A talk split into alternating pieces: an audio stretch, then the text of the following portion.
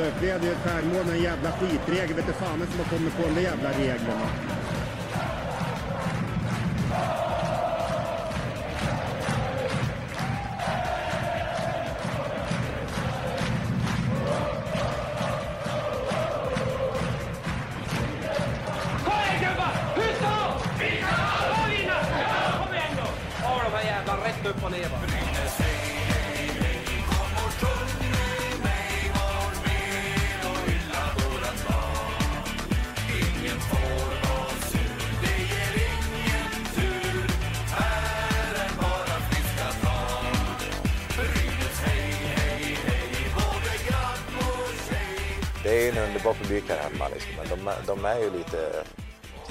De kan sin hockey liksom. Som spelare har jag alltid velat vunnit. Eh, ända från, alltså jag är en enorm vinnarskalle. Alltså jag kan bli tokig på träningarna när eh, vi inte vinner mitt lag. Liksom. Små tävlingar och allting. Men tack för alla supporterna. Jag vet inte varför de har stödat mig så mycket, mycket när vi har förlorat så mycket. Men tack, kanske därför att jag pratar den här rally, rallysvenska.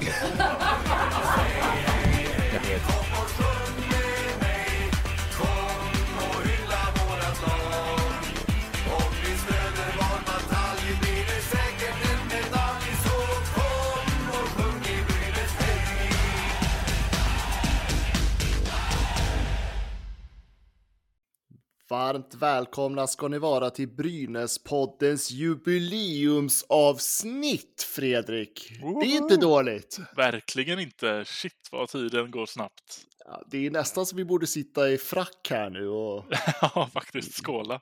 skåla med varandra. Det här är helt otroligt.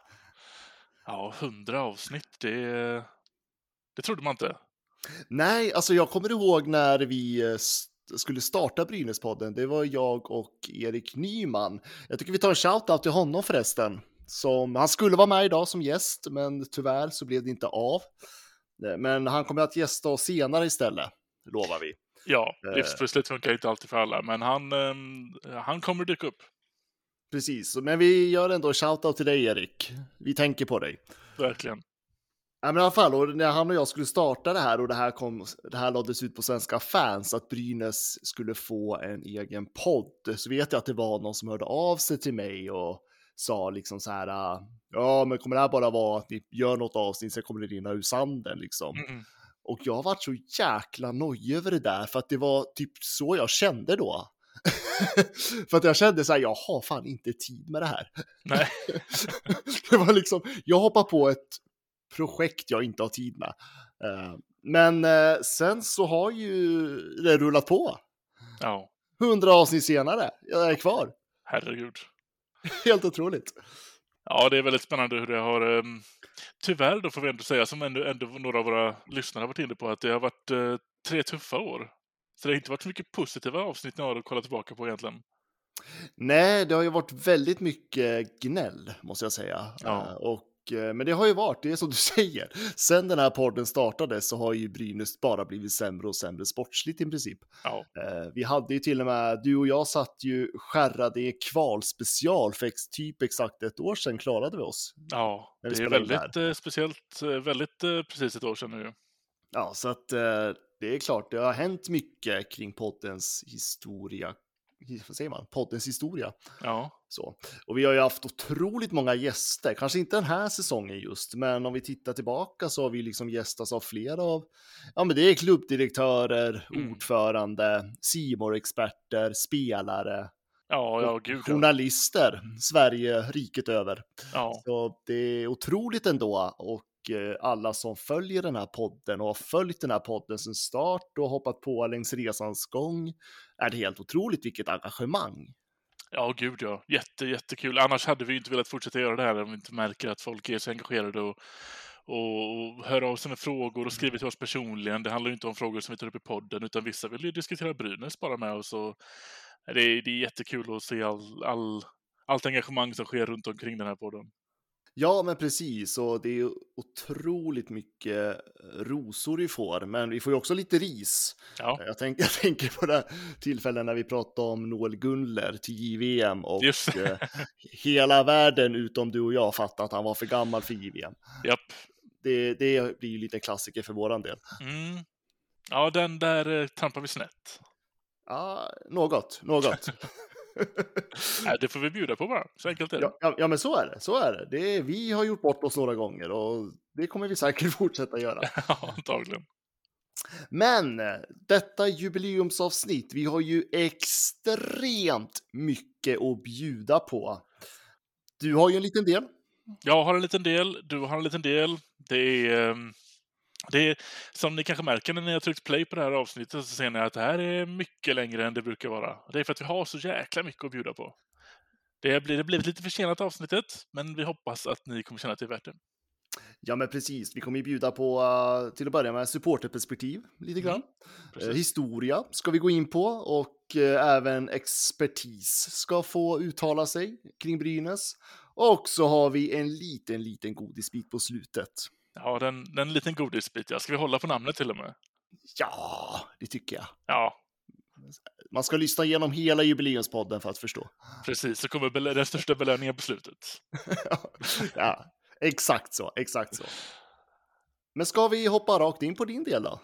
Ja, men det tycker jag. Jag har ju satt mig ner med, eh, med Martin Åsefelt, eh, ordförande i BSKV, alltså Brynäs Supporterklubb Väst. Köttat lite kring hur, eh, hur supporterklubben där ser ut idag och hur den fungerar och hans tankar kring säsongen och, och, och allt smått och gott. Jag tycker att ni... eh, Jag ska inte recensera den, utan ni får lyssna på den istället. Så här kommer Martin. Jag upplevde och upplevde ett självmål med en jävla skitregel. Vet du fan som har kommit på de där jävla reglerna.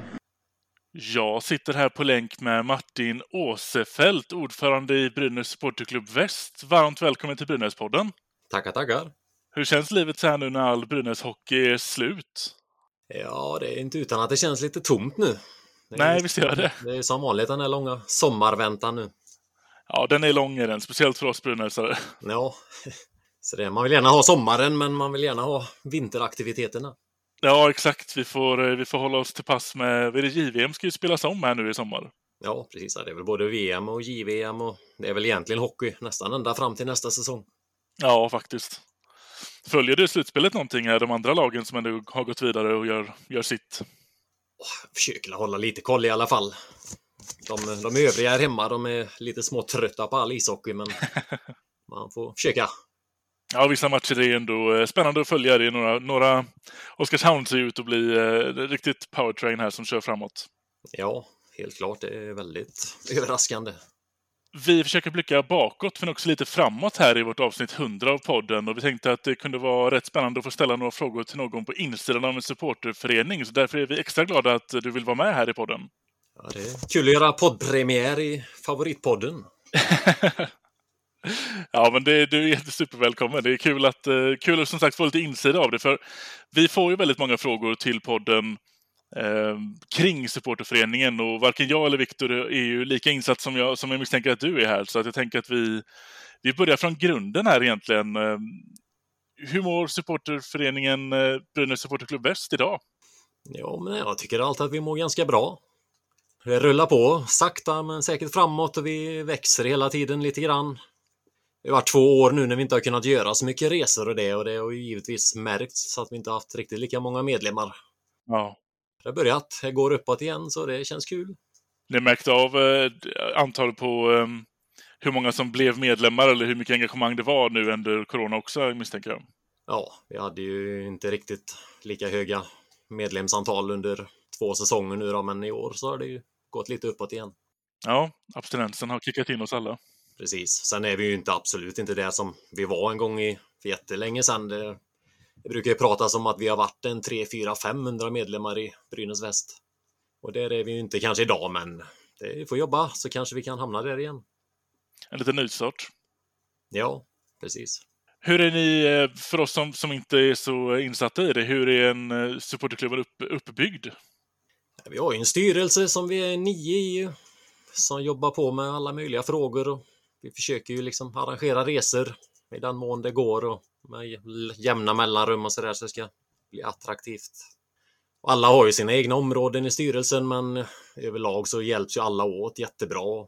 Alla hjälper till med det de kan och ibland gör någon lite mer och väldigt bra samarbete. Ja, ni är ett lag som jobbar mot, mot Ja. samma sak såklart. Ja, det tycker jag. Det är ett väldigt bra lag. Hur många rundor brukar ni köra per säsong? Är det både hemma och det är borta fördelat? Eller hur, hur styr ni upp det? Ja, vi ja, genom åren brukar vi sikta på att ha en höstresa och en vårresa. Det brukar bli ganska lagom så. Vi har ju märkt liksom kring jul och de månaderna liksom då går det inte att göra någon resa för det är inte intresset riktigt där och folk har inte pengar. Och, och sen i början på säsongen då brukar man liksom man vill att det ska komma igång lite och så blir det lagom med en resa där på mitten och sen lite på våren och sådär. Så det är väl ofta det vi kör på till Gävle då. Och sen har vi ju alla bortamatcherna med Göteborg och Jönköping och Malmö och ibland blir det Örebro liksom. Det är lite hur spelschemat ser ut och om det blir någon gemensam invasionsresa så där som man kan styra upp ihop. Ja, precis. Brukar ni ta er så pass långt upp som Skellefteå och Luleå eller ända vägen upp dit? Nej, det har vi nog aldrig gjort. Det är en lång bussresa. Ja, jag vet där 99 då gick det ju supporterbussar ner till Prag. Det är väl kanske det längsta vi har gjort. det, det är också väldigt långt. Ja. Nej, men annars är det väl, det är väl Örebro kanske som vi åker som längst eller ner till Malmö. Det får ju nästan alltid vara en lördag liksom för att det ska fungera. Och... Ja. Om det är en hemmamatch i Gävle, hur ser, det, hur ser den eh, rutten ut? För jag vet att eh, ni stannar ju på några orter längs med vägen och plockar upp fans. Jajamän. Vi har ju ett säte kan man väl kalla nere i Veddige kring Varberg där, så bussen startar ju oftast där. Vi brukar använda oss av ett bussbolag från Veddige med, så då blir det ganska naturligt att starta där. Mm. Och sen följer vi motorvägen upp. Vi brukar stanna i Varberg, Kungsbacka, Göteborg, Vårgårda, Skara. Sen är det lagom med lite frukost i Mariestad. Och sen har vi väl sista stopp uppe i Brändåsen där i Örebroregionerna och lite lunch på Gävlebro. Sen kommer vi fram till Gävle då, boendet och upp till arenan. En trematch som det har varit sist nu liksom. Då startar bussen 03 och så är vi vid arenan vid 14 ungefär. Timing. Ja, Det låter som en skitmysig resa. Jag vet att jag, jag har varit med på någon av dem när jag var en liten grabb på 90-talet någon gång i alla fall. det- Jag har bara goda minnen. Ja, nej men det brukar vara jättekul. Det är liksom en enda lång fest. Det är lite spelmaskiner och vi har lotteri och det är frågesport och behöver man lite extra stopp för olika behov så löser vi det. Och Ja, vad härligt. Hur tycker du att, eh, hur har ni sett ut med uppslutningen kring damernas slutspelsmatcher som har varit här nu? Jag vet att ni var en del i, i Jönköping till exempel. ja, vi var ju några stycken där. Man hade ju kanske önskat att vi skulle varit fler så jag kan väl tycka att det är lite låg uppslutning men det finns ju en handfull människor som är väldigt, eh, som de brinner för damerna liksom. De har ju varit väldigt flitiga och Jönköping och de har varit nästan på alla matcherna i Gävle och så det är några Brynäs västare de ligger i. Men det hade, hade gärna fått vara mer. Så är det väl, eh, så tror jag nog eh, det har varit lite generellt kring hela säsongen känns det som. Men, men att fylla arenan som vi gjorde här på slutet och det borde ju bara gott inför nästa säsong. Ja, absolut. Och jättekul att Göteborg klarade sig kvar också för det, där brukar det bli lite Brynäs-samling. Just det, just det. Jag var jätteförvånad att de gjorde det. Jag menar, ett poäng i hela grundserien och sen ändå klara av sin, eh, sin playout. Ja, precis. Så, men det är väl lite det jag kan tycka är synd, för jag tycker nästan att det kommer fler Brynäsare till Angered på de matcherna än vad det var i Jönköping i slutspelet. Ja, det är, det är ändå en liten, en liten resa man får göra, så jag antar att det är väl göteborgare som dyker upp här i Angeredarenan och lättare att få in i vardagen. Ja, det är väl så. Om vi backar lite från själva lagen och den delen och går på det organisatoriska här. Um, jobbar ni supporterföreningar någonting med varandra um, inför matcher eller, eller vad har ni något typ av samarbete? Det har inte, inte varit jättemycket tyvärr. Vi har ju försökt att få igång det lite mer i år och vi har haft några online-möten och sådär. det har väl kanske inte gett så jättemycket konkret än. Man önskar ju lite att vi kanske skulle kunna sätta ihop så här resschema ihop så man kan få liksom invasionsresor och Mm. nu är det väl lite mest på den nivån att vi ger varandra tips på liksom hur gör ni med era tröjor och vart tar ni fram dem och hur var ni för medlemsprogram och så vidare. Det är väl kanske inte, inte så jättemycket som blir uppstyrt innan så just matcherna. Men då har ni ändå en, en god kontakt mellan er som supporterföreningar. Ni, ni hjälper varandra och har en kontakt. Ja, absolut. Jobbar på att det ska, att det ska bli mer Ja, i alla fall. För just nu är det ju lite som att vi ja, alla kör lite sitt eget race, men förhoppningsvis så kan vi utveckla saker och ting. ja.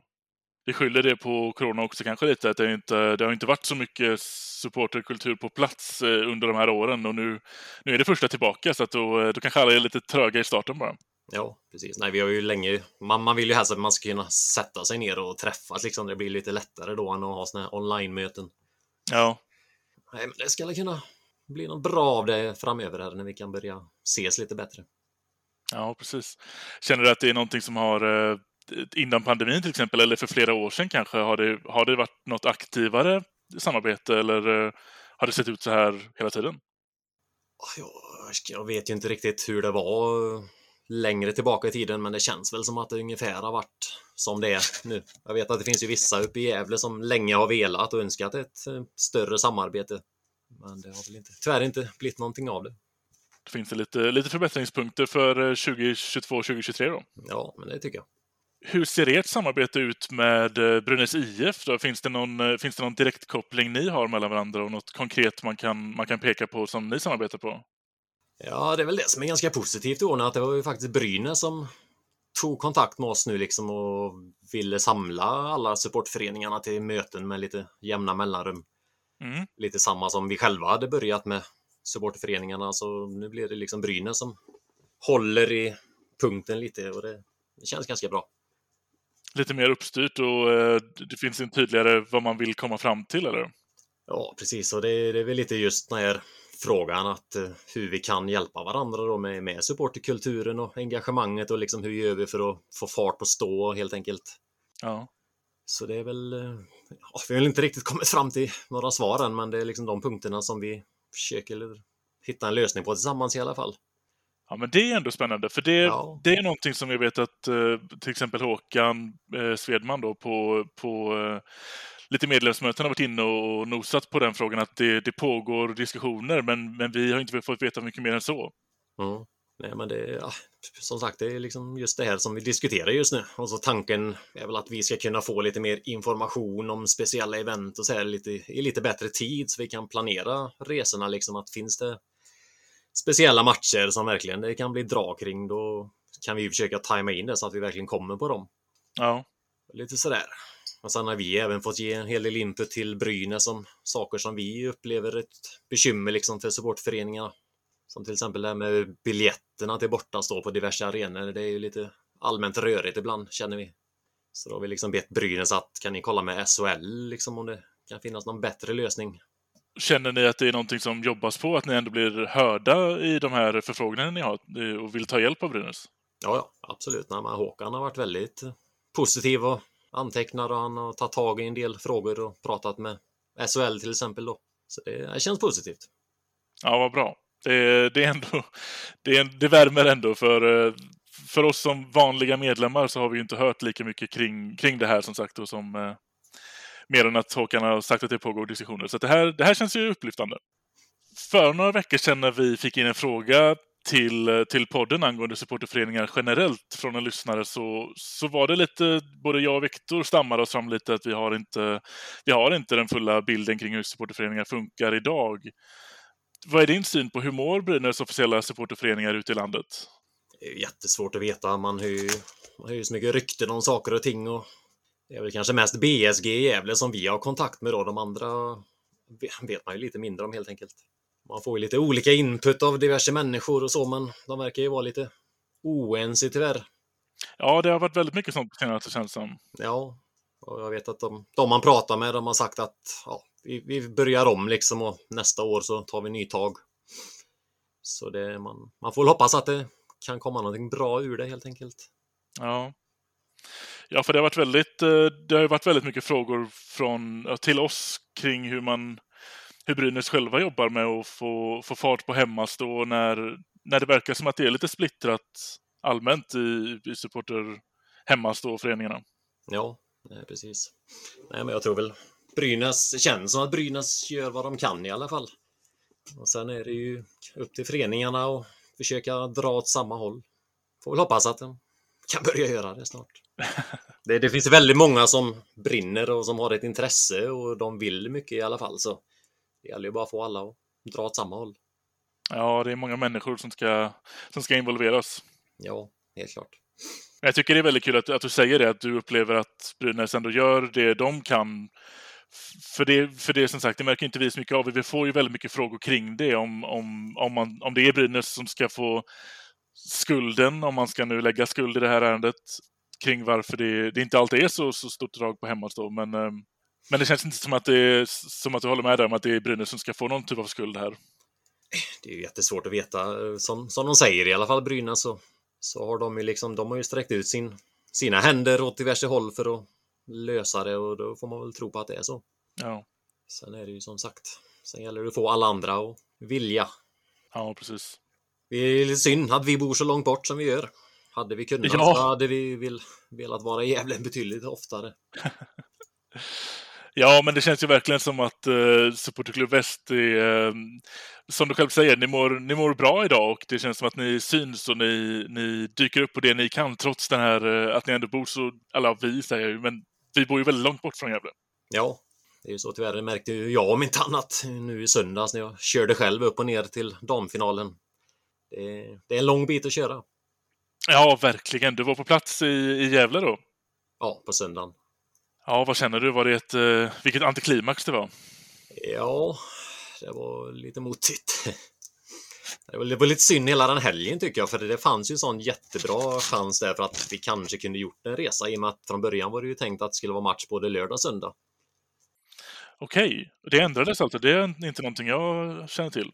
Ja, men så sen gick de in och la matchen på fredagen istället så det blev fredag och söndag och då klart då blir det en hel helg är nog lite svårt för oss att styra upp en bussresa i Gävle.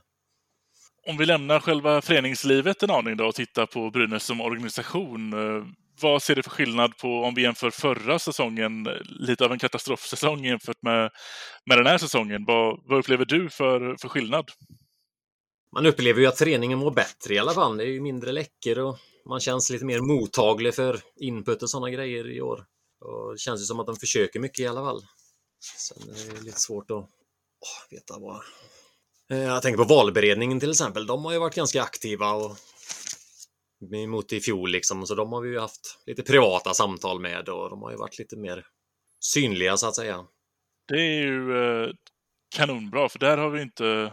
För som du säger, där har det inte varit jättemycket... Det var ju lite av kritiken som valberedningen fick förra året, att man inte visste vilka de var riktigt och vad de jobbade med, men, eh, men även vi som medlemmar märker ju lite skillnad på det nu i alla fall.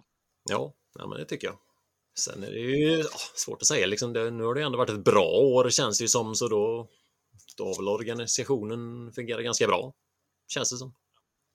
Ja, det, det här är ju lite av en evig debatt jag och eh, Viktor går igenom. Att jag, jag vill ju pusha mycket på att det, det här har ju faktiskt varit ett rätt bra år. Vi gick ändå till åttondelsfinal om man jämför med förra året och, och föreningen.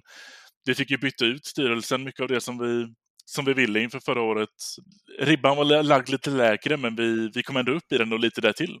Ja, det jag har nog varit inne på det spåret också, liksom att man har bara haft ett mål och det är vi ska klara kvalet och gör vi det så är man nöjd. Ja. Sen är det ju jättesynd att vi fick den här svackan av någon anledning som kom efter OS. Det kändes ändå som att vi trummade på bra fram till OS. Ja, väldigt bra. Det var, det var den svackan som, som gjorde att det blev en sån sträckkamp in på slutet verkligen. Ja, Herregud, vilken ja, övertidsvinsten mot Leksand där. Det var ju verkligen på håret allting. Mm. Det känns som både den, det känns som den Rögle-matchen som vi vann det sista, där klarade vi kontraktet kändes det som och sen var det ju Leksand-matchen som gjorde att vi gick till slutspel. Just det. Spännande var det, men det, man var mycket nervös också. Ja, jag har fått lite extra gråa hår sedan dess. Ja. När vi ändå är inne på representationslagen här, om, vad, vad känner du kring, eh, kring både damerna och herrarna? Har de uppnått sina respektive mål den här säsongen, tycker du? Åh, men det får man väl eh, säga tycker jag. Herrarna gjorde ju det ändå bättre än vad man eh, trodde kanske och hoppades på. Även om man alltid vill mer så det blev ju ändå, ändå någonting bra av det. Ja. Och damerna, åh, tanken var ju att de skulle ta SM-guld och det är klart det, det sket ju sig men de gick ju ändå till final så då ska man väl vara ganska nöjd ändå. Ja, jag tänker också det att man, det, det, kan, det skulle vi kunna vara rätt nöjda med, men den hypen som ändå Brynäs har gjort kring det startade hela den här vägen till första guldets Youtube-serien. Mm. Man var väldigt inställd på guld och så blev det inte det. Nej, precis. Det var ju det är lite synd. Jag tycker ju att det är, det är powerplayet som gör att vi inte tar guldet. Ja, Så man får hoppas de får in någon till nästa år nu som kan styra upp det. Ja, det är faktiskt väldigt många utgående kontrakt inför nästa år. Man har ju lite chans på även på damsidan att bygga nytt om man skulle vilja. Mm. Helt klart. Det är det. Alla, alla de stora riskerar ju kanske att inte vara kvar, så man vet ju inte riktigt vart det bär nu. Nej. Vad skulle du säga är din magkänsla inför, eh, inför nästa säsong, 22-23 här? Det, är såklart svårt att säga nu. Det är många kontrakt som ska fixas och, och, eh, och mycket jobb som sker i sommar här. Men vad har du för magkänsla med tanke på den säsongen som precis har varit? Jättesvårt att säga. Alltså, man vill ju gärna vara positiv och tro på att nu ska det bli någonting bra av det. Liksom att nu har vi chansen att bygga så bra. Men sen har man ju lärt sig att man vågar inte riktigt tro på någonting förrän man ser att det fungerar och att det verkligen blir bra. Nej. Så ja, lite orolig är man nog ändå. Man märker ju att Timrå och vissa lag de fyller ju på ganska bra nu medan hos Brynäs där händer det väl ingenting känns det som. Nej, det är väldigt tyst faktiskt. Mm. Ja, det är verkligen upp till bevis nu för Johan och Erika. Ja, verkligen. Det är, nu, det är ju verkligen nu man, man kommer märka av tydligt, vi som fans kommer märka av tydligt vad, vad de går för. Ja, man vet inte. Det kan ju bära åt båda håll känns det som. Ja. Det, vad gör vi om det inte blir någonting bra denna gången heller? Då har man satt sig i törn lite. Ja, verkligen. Nu har vi ändå skapat förutsättningarna, vi som medlemmar, med att byta ut styrelsen och det är en ny organisation bakom och en ny chans. Och sumpar man även denna, vad gör vi då? Massa kontrakt som går ut och så vidare. Ja, jag tänker just med det i åtanke. Vad tycker du att ur perspektivet vi har just idag, innan vi börjar fylla på de här kontrakten, vi har ju väldigt många utgående, så väldigt många chanser. Vad, vad tycker du att vi bör kunna ställa för förväntningar på både nya laget som ska värvas och vad ska det uträtta nästa säsong? Oh, alltså, jag tycker nu måste vi väl ändå vara i ett sånt läge så att vi bör kunna sikta på ett slutspel i alla fall. Ja. Det ska inte vara prat om att nu ska vi klara kvalet eller ja, där nedre liksom. Nu behöver vi väl kunna sikta på i alla fall mitten och uppåt kan man ju tycka. Ja. Och med slutspel, tänker du åttondel eller kvarten då? Jag tycker att vi borde kunna sikta på en kvart i alla fall. Sen är det alltså åttondelen och det är väl inte fy skam heller. Det är, det är många lag och det är många bra lag nu för tiden så alltså det är en hårfin skillnad på placeringarna. Ja, verkligen. Ja, det fick vi verkligen erfara även den här säsongen. Mm. Men jag tycker man, vi, vi bör ju bara kunna sikta uppåt i alla fall nu. Det måste ju liksom, ja. även om man ska ta, få ta små steg åt gången så kan man väl försöka ta lite längre steg i alla fall. Ja, verkligen. Så ja, sen är det ju samma med damlaget också. Liksom, vilka blir kvar nu? Finns det en risk att vi får börja om på noll igen, liksom om alla ledande inte förlänger? Ja. Det är ju jättesvårt att veta. Ja, det är väldigt oroväckande många stora namn som, som antingen ligger i riskzonen eller som kommer att bes av. Både Glas och Boväng har ju redan sagt att de lämnar. Mm. Sen är det ju Kryshova, Mrazova, kaptenen Lindstedt, Maja Persson, alla de här som vi har ändå lutat oss tillbaka på under säsongen har ju utgående kontrakt. Ja, så det är, det är lite det nu. Kan vi, klarar vi att hålla oss kvar där uppe nu eller är det risk för att det blir omstart? Jag har ju försökt att tänka nu när vi gick bet på den här finalen igen att fan Skellefteå, de hade också väldigt många finaler och de började ju med att förlora två finaler. Ja, just det. Innan vinsterna kom så vi får väl tro att Brynäs kan vara något liknande på spåren. Ja, precis. Skellefteå, ett Skellefteå-syndrom. Ja. Ja, men verkligen. Där, där, där ser vi, får vi också se, det är ju Erika som är ännu mer inblandad och, och hon har ju lyckats bra hittills så vi får ja. se tredje gången gilt även för henne här den här, eh, som sportchefssäsong då. Precis. Nej, men det, får tänka positivt så ska det nog bli bra. Absolut. Om vi eh, snurrar tillbaka till, till supporterkulturen lite här och, och eh, rundar av då. Vad, jag har en sista fråga här. Vad, om du fick välja helt fritt här, vad skulle du vilja ändra på inom supporterkulturen kring, kring Brynäs i allmänhet eller hela landet om du, om du vill det? För att ändra på för att ta ett steg mot en förbättring? Svår fråga, men det jag kom att tänka på först i alla fall. Det var liksom att jag, man önskar att fler skulle bli positiva till det här att man kan umgås mellan lagens supportrar. Ja.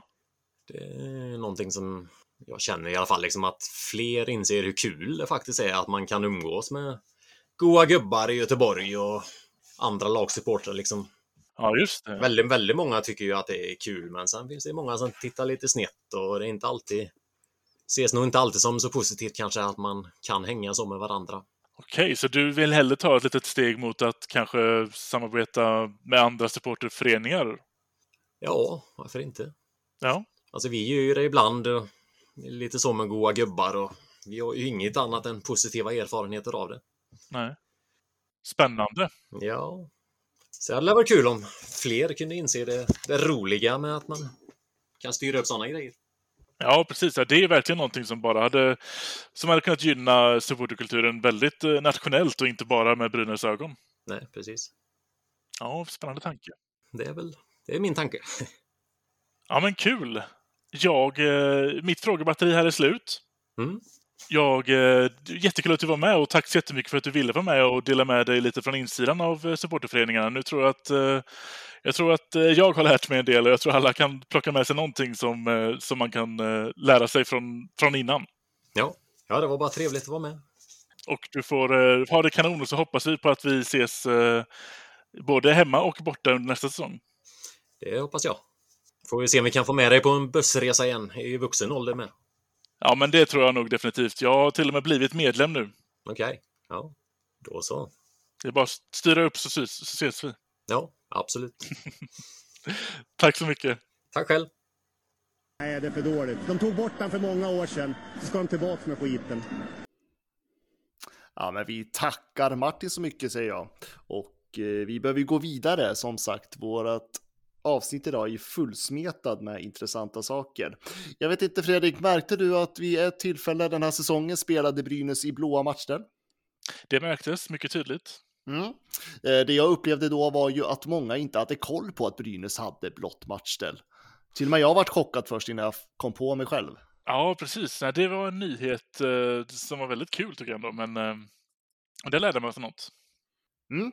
Så därför så har jag, tänker jag bjuda nu på en kort, kort, väldigt nedkortad version, genomgång av historien om Brynäs matchställ. Från början tills idag. Och eh, det kommer också bjuda på en särskild matchställ som jag tror, eh, eller ja, som egentligen är helt bortglömd idag. Ja, du nämnde den för mig. Jag eh, passade helt på den. Mm. Så att eh, det kommer också ut som en enskild artikel om just den matchstället på Svenska fans ska jag säga i veckan. Men eh, här kommer historien om, eller historien om Brynäs alla matchställ. Varsågoda. Åh, finns inget härligare än att vara brynäsare. Oh, oh, oh, oh, oh, oh.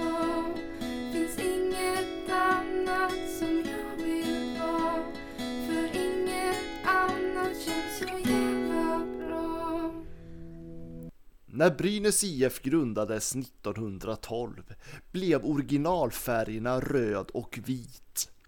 Det var vitrandiga tröjor, röda byxor och röda strumpor som gällde för föreningens fotbollslag. Men bara fyra år senare ändrade Brynäs sina klubbfärger till svart och vitt. Svarta tröjor med vita ärmar och vita byxor. Föreningen ville likna vid Arsenal, fast med svart istället för rött. Därav kom Brynäs också att kallas för Arsenalerna, ett smeknamn klubben var med sig åtminstone fram till sena 80-talet. Men när hockeysessionen bildades 1939 hade Brynäs en vit dräkt. Det blev lagets huvudfärg fram till att man 1949 klädde om helt och beslutade att Brynäs skulle spela i blått. Det är oklart varför Brynäs valde en färg som aldrig tidigare kopplats till föreningen. Men det finns en teori om att den blå dräkten var starkt inspirerad av New York Rangers. Dräktens linjer, färger och bokstäver var identisk den klassiska NHL-klubben förutom att Brynäs-bokstäverna gick som en liten båge över bröstet. Det kan ha att göra med att Brynäs som stadsdel hade med alla sina tvärgator också kallas för Brooklyn. Och Brynäs som lag hade ju ibland kallats för Brooklyn Tigers. Den blå dräkten med rödvita inslag blev också en stark kontrast till ärkerivalerna GGIKs vita tröjor med ett blått inslag och Strömsbros helorangea matchställ. Men på slutet av 50-talet ansåg Ture Wickberg att den blå hemmastickade matchtröjan kändes omodern och ärligt talat hemvävd. Den var inte alls i samma snygga och professionella stil som konkurrenternas. Det var nu en hög tid att modernisera Brynäs och få en helt ny image i stan.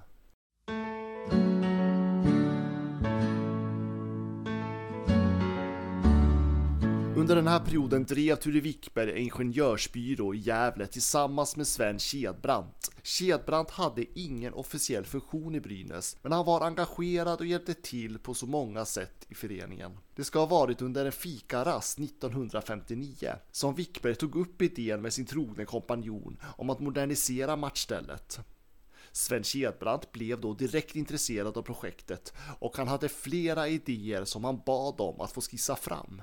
Han tog med sig en bunt med kraftiga färgpennor från kontoret och skyndade sig raskt hem. Väl hemma hos familjen Kedbrant drog han fram flera lakan som han lade på golvet. Eftersom att GGIK spelade i vitt och Strömsbro i orange tänkte Kedbrant att det alldeles självklart var att Brynäs skulle spela i svarta färger. Hemma på vardagsrumsgolvet skissade han med de kraftiga färgpennorna. Sedan reste han sig upp för att bevittna sitt verk på avstånd. Och när det inte blev bra så kastade han hela lakan som redan var förstörda av all färg. Till fru Kedbrands förskräckelse förstås. Men efter en övertalning om att Brynäs skulle stå för kostnaden så lugnade hon också ner sig. Men för varje använd lakan blev Sven Kedbrand mer och mer frälst i den vita grundfärgen. Och de svarta och gula ränderna han skapade vid axlarna gjorde en färgstark kontrast mot det vita. Texten och siffrorna på tröjan fick vara röda. Ett avsteg från resten av tröjan, men Kedbrand var nöjd. Dessutom var oken på axlarna något nytt och unikt i jämförelse med andra lags matchtröjor. När han kände sig färdig med sin nya modell ringde han direkt till Brynässpelaren Torsten Österberg för att förbereda honom på det faktum att han skulle stå som provdocka när Kedbrand skulle testa sitt verk. Och när Ture Wickberg fick höra om att det här förslaget var en vit tröja blev han inte direkt såld från början. Men när Sven Kedbrand visade upp exemplaret för Wickberg så ångrade han sig. Men det krävdes också spelarnas godkännande för att få igenom förslaget på det nya vita matchstället. Vilket inte var något problem. Alla gillade den vita tröjan med de gulsvarta oken och den 16 oktober 1959 var första gången som Brynäs IF spelade med sin nya vita matchställ till publikens förtjusning. Fast det är klart, det fanns en del som grubblade över att det var vita, precis som godtemplarna. Men på den här tiden spelade Brynäs i division 2 och GGIK i division 1, så det gjorde kanske inte så mycket. Men säsongen därefter, när Brynäs hade avancerat till den högsta serien, var det heller inte många som funderade över att två av Gävles elitlag hade samma färger. Först så var det att Brynäs tillhörde Söderserien och GGIK i Norrserien. Men det var också att designen på lagens matchställ var så olika att de inte påminde om varandra överhuvudtaget. Det fanns nu också en svart design av tröjan, precis som Sven Kedbrand hade tänkt från början. Den svarta tröjan var dock en reservtröja och såg inte exakt likadan ut som den vita. Och därför var det den vita dräkten som Hockeysverige förknippade Brynäs med fram till 1964.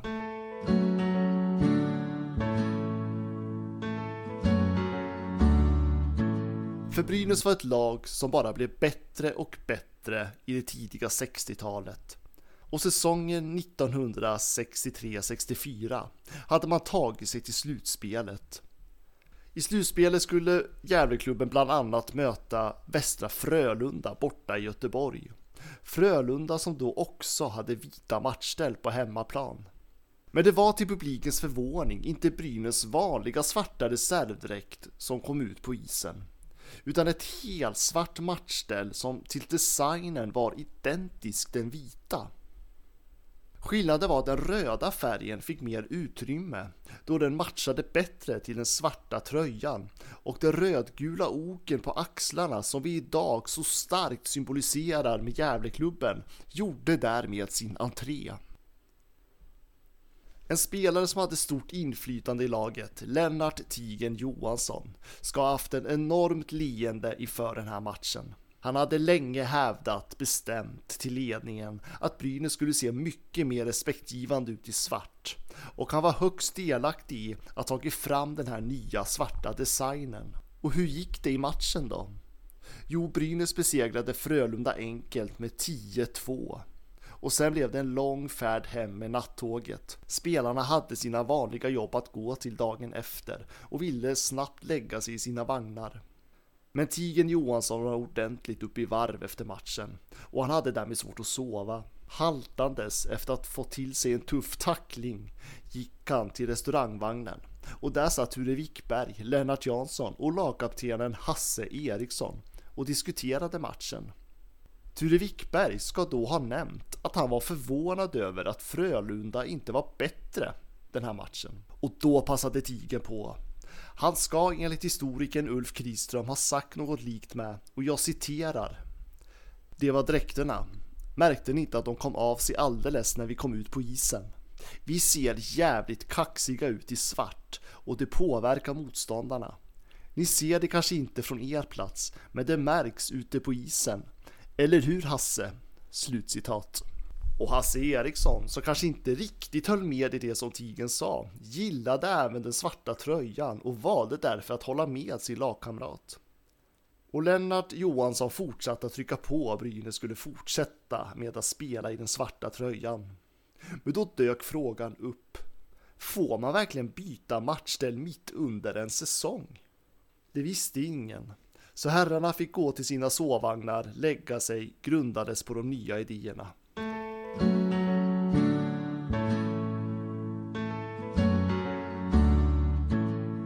Morgonen därpå, direkt när Henry Jansson kom in på hans kontor, ringde han upp det svenska hockeyförbundet med frågan om man mitt under säsong kunde byta hemmaställ.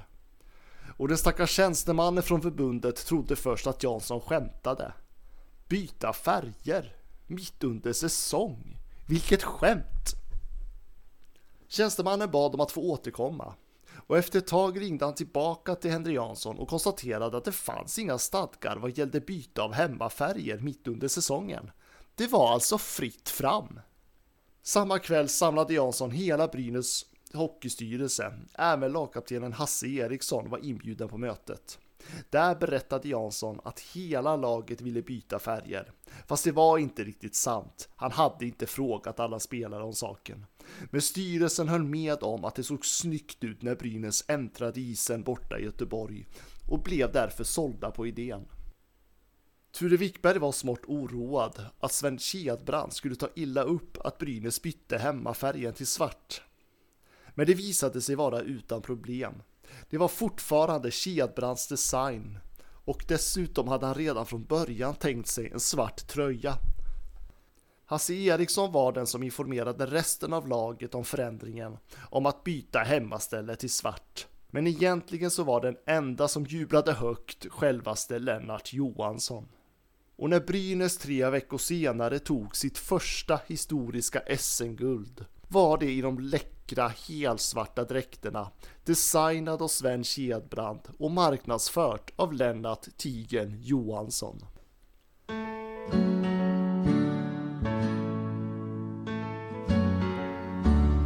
Och sedan dess har Brynäs nästan alltid haft den svarta välbekanta matchställen som sitt, om än moderniserats genom åren. Det finns några perioder av undantag. Mellan 1984 till 1997 tog kommersiella krafter över. Först var det Hockeyligan som skrev på ett avtal där samtliga föreningar tvingades till att ha samma design på sina tröjor. Endast färgerna, klubbmärket och viss reklaminslag skilde lagen åt. Brynäs fick därför fortsätta spela i svart, men istället för de unika axeloken var det tunnare ränder som gick från hals hela vägen ut i handskarna. Tre år senare slöt Brynäs ett eget avtal med storsponsorn Gevalia och spelade med röda matchställ fram till 1997. Gevalia fanns då kvar som storsponsor, men Brynäs fick tillbaka sitt svarta matchställ och på bortaplan fick den vita tröjan stoltseras nästan precis som Sven Kedbrant en gång designade den.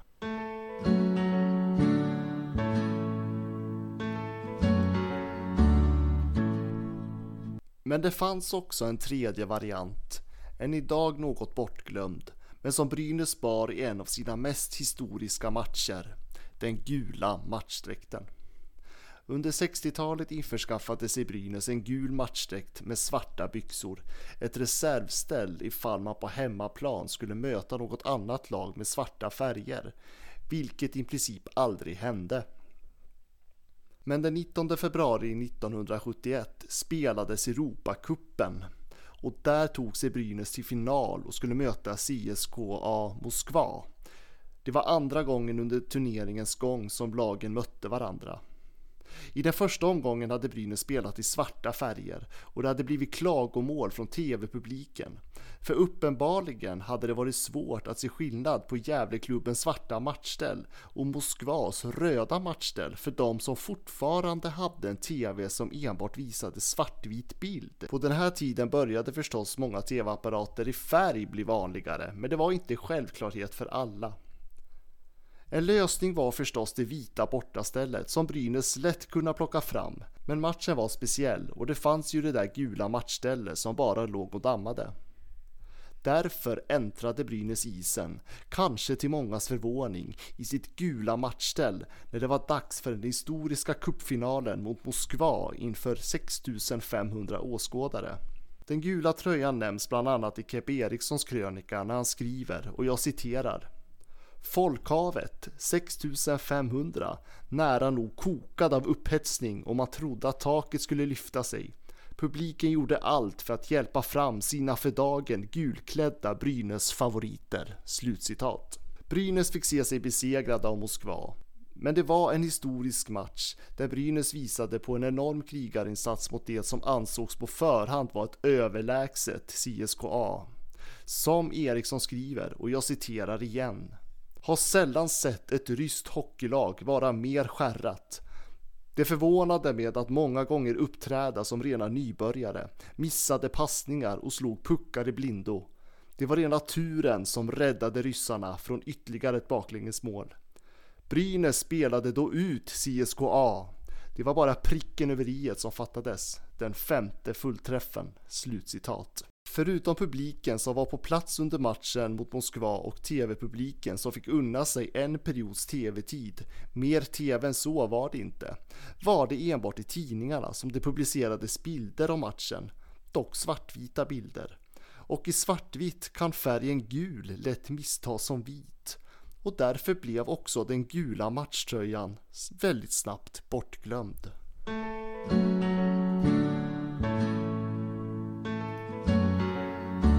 Kan dock konstatera att Sven Kedbrands gamla design med de unika axeloken som påstås symbolisera tvärgatorna på stadsdelen Brynäs i Gävle är en till våra dagar och kommer med all sannolikhet förbli vad hockeyvärlden symboliserar med Brynäs IF.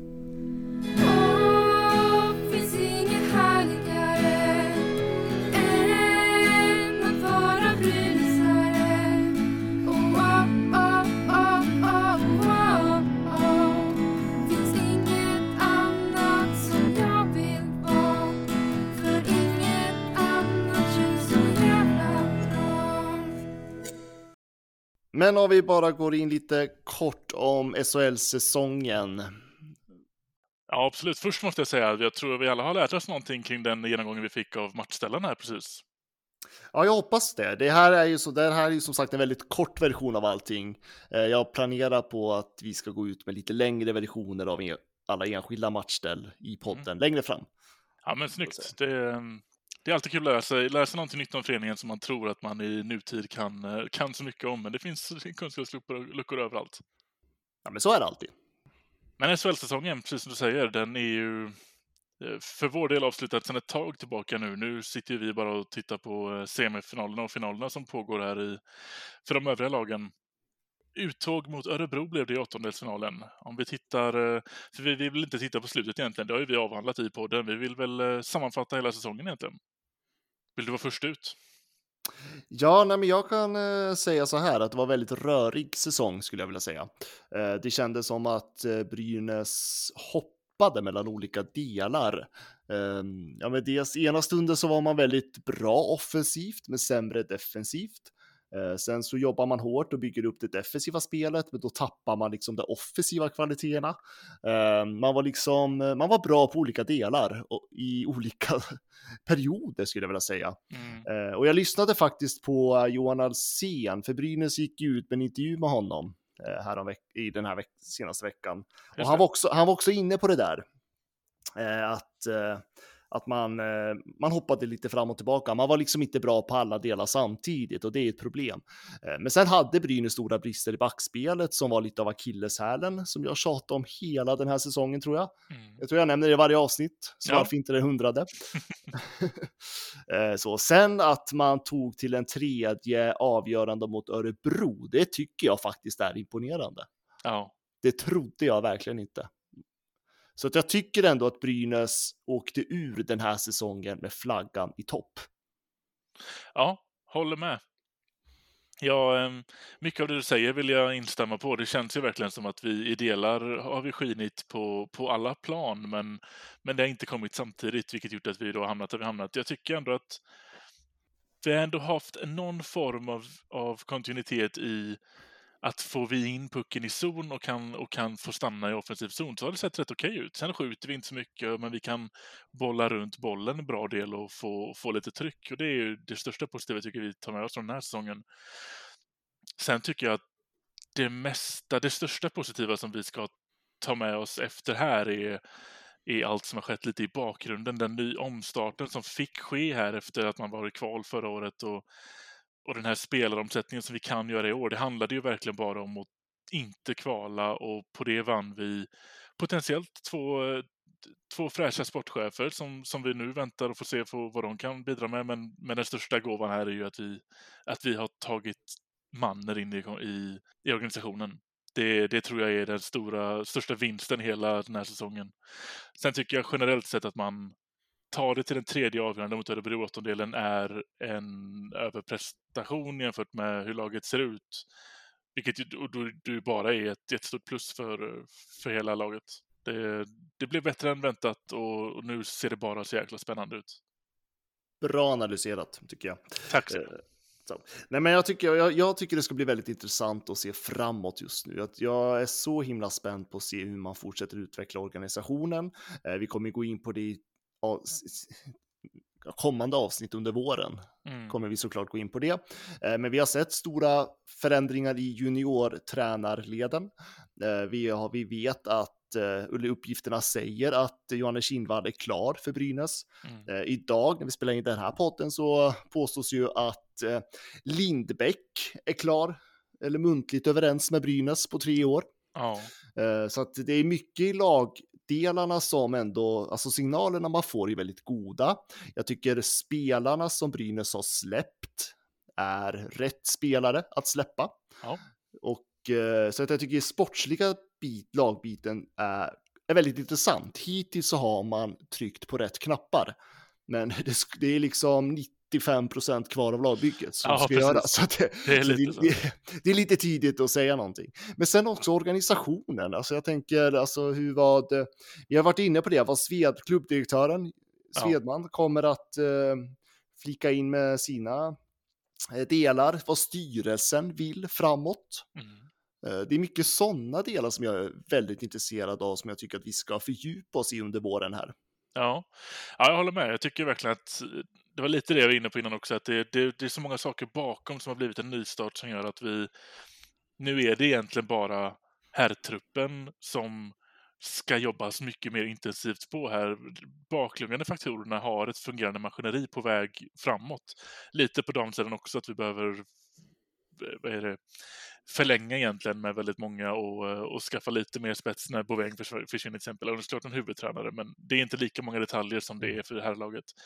Men, men organisationen bakom är, känns ändå så pass taggade och nystartade att det, den delen är jag inte det minsta orolig för längre. Nej, nej men alltså vi, vi upplever en vår för första gången på väldigt länge tycker jag som det känns som att eh, det känns lugnt. Ja, Alltså jag vet inte, det känns som att, eh, Alltså jag är inte lugn i det sättet att jag tror att Brynäs kommer lösa alla knutar, men jag är lugn i det sättet att det känns som att Brynäs håller på att stabilisera sig. Precis, vi går inte mot någonting tveksamt sämre utan det, den här pilen pekar nog uppåt nu bara. Ja, men det känns som att vi är på väg åt rätt håll åtminstone. Mm. Sen hur långt Brynäs kan gå, det är nästa fråga. Ja. Men vi pratade ju med två stycken experter, eller jag pratade med två stycken, stycken experter, Karin Johansson och Daniel Sandström, Gefle Dagblad och Arbetarbladet, som har bevakat Brynäs dagligen och nära. Så att jag träffade dem tillsammans på länk, ska vi säga. Så en lång intervju med dem som jag tänker att jag bjuder på här och nu. Varsågoda. Jag upplevde, upplevde ett självmål med en jävla skitregel. Vet du fan som har kommit på de där jävla reglerna. Fan ska de kunna göra mål när de har en avvaktande utvisning eller? Ja, då sitter jag på länk tillsammans med Daniel Sandström och Karin Johansson från Gefle Dagblad Arbetarbladet. Välkommen tillbaka till den här podden ska jag väl säga till båda er. Tusen tack! Tack så mycket. Tack, tack. Eh, Jag tänker vi, vi ska prata om både SHL och SDHL-laget. Vi börjar med herrarna, tycker jag. Det är ju lite den tråkigare delen, om man får säga så. Eh, kort analys av säsongen. Jag bollar raskt över frågan till Sasse som bevakar dem dag ut och dag in. Ska jag börja? Ja, kort analys. Oh, den är väl så här att eh, faktiskt så gjorde man väl eh, det som man kunde förvänta av Brynäs den här säsongen och lite, lite till ändå eftersom man kom till en så kallad åttondelsplats eh, plats där då. Så att, eh, mm, inte så tokigt med tanke på vad man var förra året, men eh, eh ja, heller inte jättebra, men, men eh, fullt godkänt efter förutsättningarna tycker jag i alla fall. Ja, nej, men jag håller med helt klart. Eh, med tanke på hur det såg ut eh, förra våren, eh, både liksom på isen och utanför isen, så eh, måste man säga att de har gjort eh, över förväntan. Jag, jag hade varit eh, nöjd om de hade liksom kommit i ingenmansland eh, så att, att, så att det blev åtminstone en, eh, en eh, match på hemmaplan i ett slutspel, om vi får kalla det så, åttondelsfinalen. Det får vi väl ändå. Det tycker jag, även om de torskade den, så, så ett fall framåt. Det handlar mycket om att ta steg, som de brukar säga, och det här är ett steg i rätt riktning. Så att för att använda en sportklyssa sportklyscha så, så kör vi på det. Mm. Brynäs slutade ju på en tionde plats i tabellen och eh, det kändes som att mycket av den här säsongen handlade om att, att in, undvika kvalet så mycket som möjligt. Eh, och det, och det lyckades man ju. Eh, men jag tänker på Mikko Manner som tränare, vart ju otroligt hyllad. Hur mycket har han betytt för det här att man klarade sig undan kval? Mm. Ja, eh, jättemycket naturligtvis. Eh, sen, eh, sen ska man alltid värdera saker och ting. Eh, med tanke på den hyllning som han har fått eh, så, så känns det som att de gick till en, eh, ja, att de gjorde en Oskarshamn nästan, eller ännu bättre, skulle vara en semifinal nu. Men det är återigen som Karin sa, att det är ju var man var någonstans och där man kom ifrån. Eh, och sen har ju naturligtvis Mikkos, eh, alltså han har ju skärmat faktiskt hela Hockeysverige med sitt eh, Ja, som man sa Karin på presskonferensen Ja, sista matchen. fantastisk presskonferens. Ja, Alltså, rallysvenskan. Så, ehm, men han har ju betytt skitmycket naturligtvis. Det får man ju säga. Eller hur? Mm, absolut. Eh, och som Sasse också är inne på, liksom, att det, det märks att, att även liksom supportrar till andra lag är, nästan är liksom lite av, blickar lite avundsjuk på Brynäs och tänker men vilken charmig herre. Och det märker Sasse och jag som är ute och, liksom, och träffar eh, och är i andra arenor och träffar folk där omkring och är de många där som, som ändå får ett positivt intryck av honom. Och Eh, och ja, eh, som sagt, han säger ju roliga saker vare sig han vill eller inte. Och det är klart att det gillar, det gillar man ju. Och så är han liksom inte riktigt lika, eh, men, ja, inte lika klyschig kanske. Han är mer öppen än vad vi är vana med här i Sverige och i SHL. Så att, eh, ja, eh, en profil helt klart. Och eh, ja, det är klart att han har betytt något för, för det här på något vis. Eh, Det var, men som, som du var inne på Viktor själv, det har ju mer handlat om att liksom undvika kval och det syntes ju när de hade klarat det att det betydde så otroligt mycket för dem att de, att de inte behövde göra samma sak igen som de gjorde i fjol. Mm. Och där tycker jag är väl styrkan eh, i år, att för man var ju faktiskt eh, säsongerna var ju rätt lika ändå jämfört med förra året eh, om du tittar liksom hur, eh, resultatmässigt och sådär. Man vann väl inte fler än två matcher i rad, eller var det tre en gång i år också? Jag kommer inte ihåg Det var väl när man hade de här 4-0 matcherna, 4-0, 4-0 och 4-0 och allt vad det var. Om det var någonstans Ja. där hade man väl tre i rad. Men, men annars så har du ju med ett antal omgångar kvar, precis som det var förra året. För då kommer du ihåg, då hade de ju så mycket att spela i kapp och så sa man hela tiden att ja, men de har ju matcher i, i handen och vinner de dem då, då, då kan de ju nästan gå till slutspel och bla bla det. bla. Ja. Men, och nu var man ju i exakt samma läge, men då lyckas man ju liksom eh, knyta ihop det va. Och det har ju alla spelare jag pratat med efter säsongen har ju, har ju sagt det att de har ju erkänt nu efteråt att ja, men vi, vi var ju rätt illa ute faktiskt och det var ganska stressande. Men till skillnad från förra året så lyckades vi mm, ja, men knyta ihop det och liksom eh, vinna de matcherna de var tvungna att vinna. De här, det här dubbelmötet här hemma mot Rögle och Oskarshamn eh, lördagen och söndagen där, det, var- det var ju liksom där när man ordnade det och det var ju otroligt starkt att- klara av det. Det var väl det som var, det, var riktigt bra den här säsongen, att man lyckades med det. Mm. Ja, för det var ju, alltså, tittar man på sluttabellen, det var ju otroligt jämnt i bottenstriden, det måste man ju säga. Ja, man gick alltså till en sån här åttondel på ett, ett mål då, det man gjorde på övertid eh, mot Leksand. Och där, den matchen visar också lite grann eh, någonstans vad Brynäs är. Man, man leder med 4-1 var det och eh, det var 4-0 liksom till en, med. 4-0 till och med en promenad i parken till eh, att ordna det. Och sen blir det ändå panik. Så, men just det där att man lyckades reda ut och vinna den på sadden, det var ju också, tyder ju ändå på att det finns, ja men det finns någonting att bygga på jämfört med förra året, för då rasade man ihop och, och, och pallade ju inte, förutom i kvalet då när man, när man, eh, när man lyckades eh, slå HV då. Mm, mm.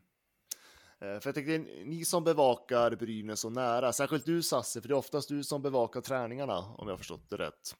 Ja. Hur, har, du, ser du, har du sett någon skillnad i gruppen den här säsongen, om du skulle jämföra med för, för fjol, säsongen innan så att säga? Ja, det är ju egentligen eh, i mångt och mycket samma spelare var det faktiskt. Det var ju byt, byttes ju på några, några positioner, men eh, i, i praktiken var det samma trupp och eh, det var ju ett otroligt stukat gäng förra året och även fast man, som jag sa, hade ungefär samma resultat ända fram till slutet, rent tabellmässigt och hur det gick liksom i, i upp och ner under säsongens gång, så var det en helt annan stämning, var en helt annan trygghet. Det var ju liksom eh, en lugnare atmosfär. Och det där gjorde, ju- har ju Mikko Manner naturligtvis betytt jättemycket. För han gick ju in direkt i somras när han kom och, och började prata om, om världen och eh, liksom vad, ja men visa att, Komma att samman som en grupp, alla är med, med Ja. liksom. Alla ska med, verkligen. Ja, men, men å andra sidan så måste jag ändå, en grej som faktiskt var, var väldigt tydlig, att när de hade klarat sig kvar så att säga, när det var klart att de inte skulle behöva kvala efter de där, den där matchen mot Oskarshamn, då var det faktiskt första gången på träningen efter som det var riktigt Ja men då var det så avslappnat så att det inte var klokt. Jag tänkte nu, nu, går de, nu vinner de inte en match för nu är de helt, eh, nu, nu, är de så, nu kan de liksom inte De är bara nöjda över att de har Ja, klarat var nöjda va? Men tvärtom, för det, blev, det var roligt hade de på träningarna. Men det var, så då blev det ännu bättre. Men det går inte runt att åka runt och ha kul en hel säsong heller. Utan, men anspänningen försvann, det var det ordet jag sökte. Anspänningen försvann. Så att det blev faktiskt en liten skillnad också. Men totalt sett så var det ju väldigt, eh, väldigt eh, stor skillnad. Eh, det måste jag säga. Mm. Inte alls lika, ju- lika stressat och, och, och, och flackande blickar utan eh, och så var det ju en annan typ av träning också. Man spelade ju nästan varje träning. Alltså alla övningar var ju alltså spel mot två mål över hel plan. Så Mm, det var liksom det var bra. Det var mycket som var bra. Älskar man, roligast man vet ju, spela vill man göra hela tiden på träning. Ja.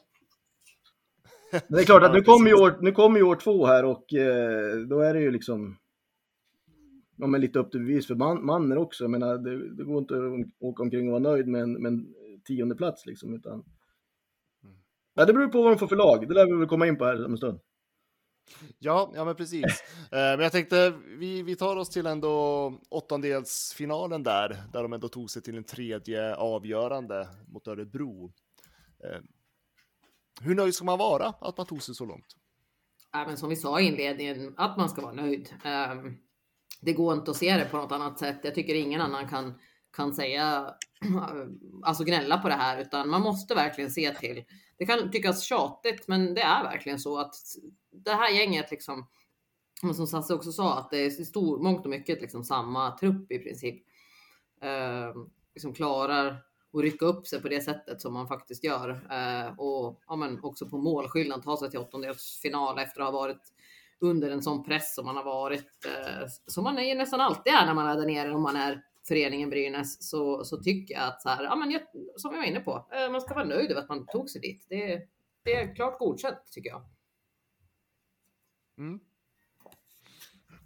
Ja, nej, men jag, jag är beredd att hålla med utifrån förutsättningarna. Om man kollar på tabellen så har de gjort näst minst mål. Eh, Det är bara Linköping som har gjort 121. Brynäs gjorde 126, näst minst av alla i hela SHL. Eh, Så att man får tacka Weini för några nollor också så att man gjorde att man tog sig dit, dit man är, eller dit man kom. Men de kapar ju enormt på insläppta mål också så att eh, det var 30 mål färre Absolut. insläppta den här säsongen. Så att, eh, Gud ja. Men det är ju som alltid, titta i tabellen. Vänder man, vad hade de, vann de, nu har jag inte 100 framför mig, men det var 17 trepoängare Mm. och, och förlorade 23 efter ordinarie. Vänd på det, då är du ju i andra änden av tabellen liksom. På Ja. övre halvan. Det är ju det det handlar om, att vinna fler än du förlorar. Det är ju så enkelt det är. Liksom, det är det man måste börja med.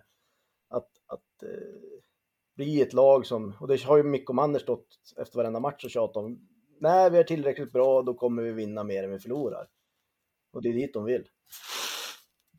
Mm. Som alla Ja, lag. precis. Men alla lag kan ju inte det. Det är alltid någon som förlorar. Ja, så är det ju. Eh,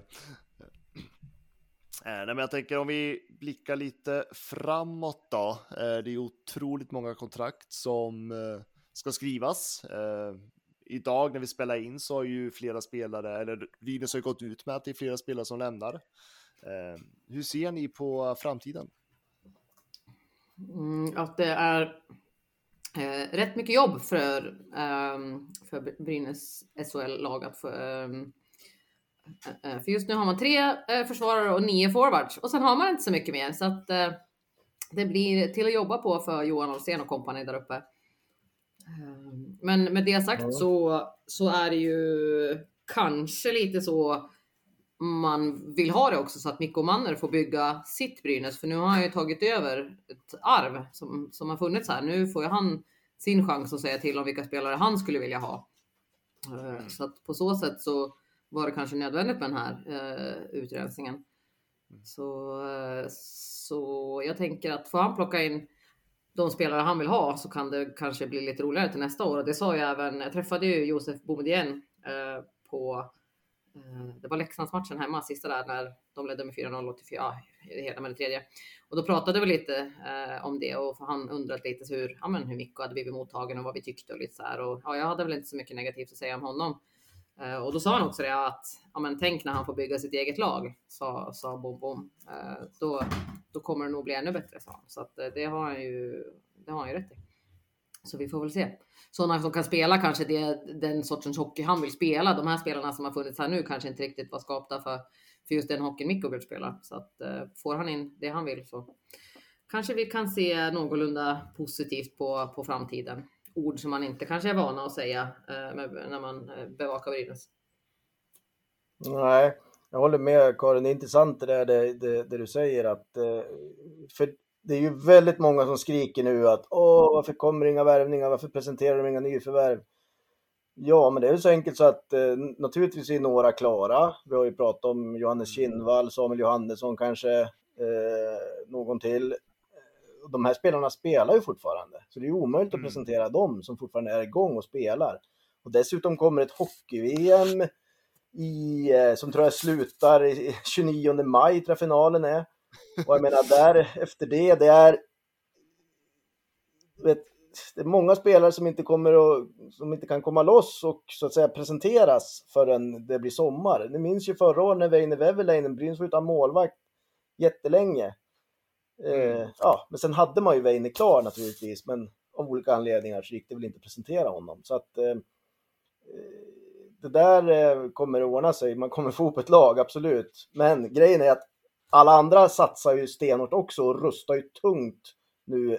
Och när... Eh, ja, vi får se hur det blir med KHL till exempel. Och vad har Brynäs för pengar att spendera på um, riktigt bra spelare? Det är det man, eh, man funderar över.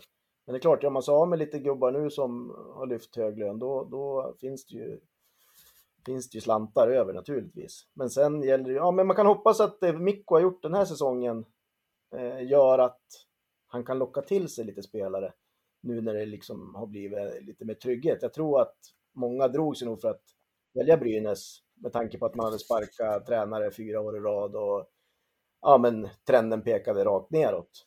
Men, eh, Så det, det, där finns det kanske lite förhoppning att det kan komma in någonting bra. Men det är klart att Alsen har ett stort jobb att göra, absolut. Men jag hoppas att Mikko hjälper honom och, med sina kontakter. Absolut. Skulle man kunna, om man bara spekulerar, skulle man kunna önska någon eh, finsk liten stjärna någonstans, tanke på hur Mikko är för namn i Finland? Åh, det där är Sasse jättebra på, så jag säger Sasse, go, go crazy. Nej men absolut, jag menar det finns ju det finns ju en uppsjö av duktiga finska spelare. Sen vet jag inte vilken hylla Brynäs kan röra sig på. Som till exempel, ehm, ja, vilka landslagsmän i Finland kan man eh, välja? Men det, det finns ju det finns ju sådana som man kanske inte har hört talas om i Sverige så mycket som naturligtvis är jättebra spelare. Som kanske har tänkt sig att spela i KL eller eh, sådär. Men inte... Ja, det finns ingenstans i KHL att spela för en finsk spelare. Jag kan inte tänka mig att någon eh, finsk eller svensk spelare kommer att spela där. Så att... Eh, det är säkert ett gäng landslagsmän i, i, i Finland som, som spelar KHL till vardags nu som har lämnat. Och Jokerit har ju till exempel ett lag. Där finns det ju många spelare som säkert Mikko kan locka över någon till Sverige och till Brynäs. Som man kanske känner från landslaget och eh, så vidare. Det har han ju sagt själv vid flera tillfällen att när han, det var ju liksom diskussioner när han skulle åka iväg här på, på de här eh, Karjala Tournament och Channel One Cup och allt vad de heter. Att, men han menar, ja men det är ju bra, jag knyter kontakter och eh, jag kan berätta om Brynäs och sådär. Så att det tror jag inte alls ligger Brynäs i fatet att han har stuckit iväg några vändor och är förbundska, eller assisterande förbundskapten i Finland. Det tror jag bara är bra för Brynäs. Då kan han ju snacka om sitt lag så att säga och locka någon spelare. Ja, det får han chansen att göra nu på VM också. Mm. Eh, Ja, hela eh, tiden nu. De har ju samlats. De spelar väl också landskamper nu i Finland. Sverige spelar ju mot Norge nu den här veckan. Jag tror Finland möter väl Danmark i några några landskamper. Jag menar bara där finns det ju. Han ska ju vara med finska landslaget i över en månad nu. Så att det finns nog gott om tid att surra om Brynäs fördelar om, om, om Mikko vill lobba för, för sitt lag till någon spelare som inte liksom har någon klubb till nästa år. Men det här är ju proffs ska man ju veta som liksom verkligen, det finns ju Schweiz och det finns ju NHL och det är AHL och det är liksom. Men jag tror att att välja mellan att spela hemma i Finland för toppspelare kontra gå till Sverige, då, då kan nog Brynäs ligga bra till för, för en och annan om man nu gillar Mikko och det verkar som många gör. Så att, och få spela under honom i Sverige, det tror jag. Ja, för det är klart, för det får, det får ju en att drömma lite såklart. Det är ju lätt att man svävar iväg på kanske för stora finska namn ibland. Eh, men det är som du säger Sasse, det finns ju schweiziska ligan, NHL, AL, andra, det finns ju andra ligor som lockar också naturligtvis. Ja, och Schweiz ska ju utöka nu till sex eh, importer i varje lag med fyra tidigare, så att eh, det är klart att där kommer det ju att... Dessutom tror jag att de utökar med ett lag till i högsta ligan, så att eh, det, ehm, det drar ju åt sig en del spelare, men eh, någon, några kommer säkert att kunna vara aktuella för Sverige och kanske Brynäs. Men jag tolkar ändå er två som att det låter ändå som att Brynäs har goda möjligheter i alla fall. Att bygga ett starkt lag för framtiden. Eh, Ja, alltså som sagt, eh, lite stabilitet, eh, lite, lite framtidstro, lite lugn och ro i klubben. Eh, Det är bra för Brynäs såklart och eh, Ehm, sen får man som sagt, det har ju varit en pandemi som har påverkat alla klubbar eh, rent ekonomiskt och ja, som sagt, vi behöver väl inte älta fyra sparkade tränare vad det har gjort med ekonomin och pengar som fortfarande betalas ut på något Mm. vänster till, till diverse tränare som inte finns kvar.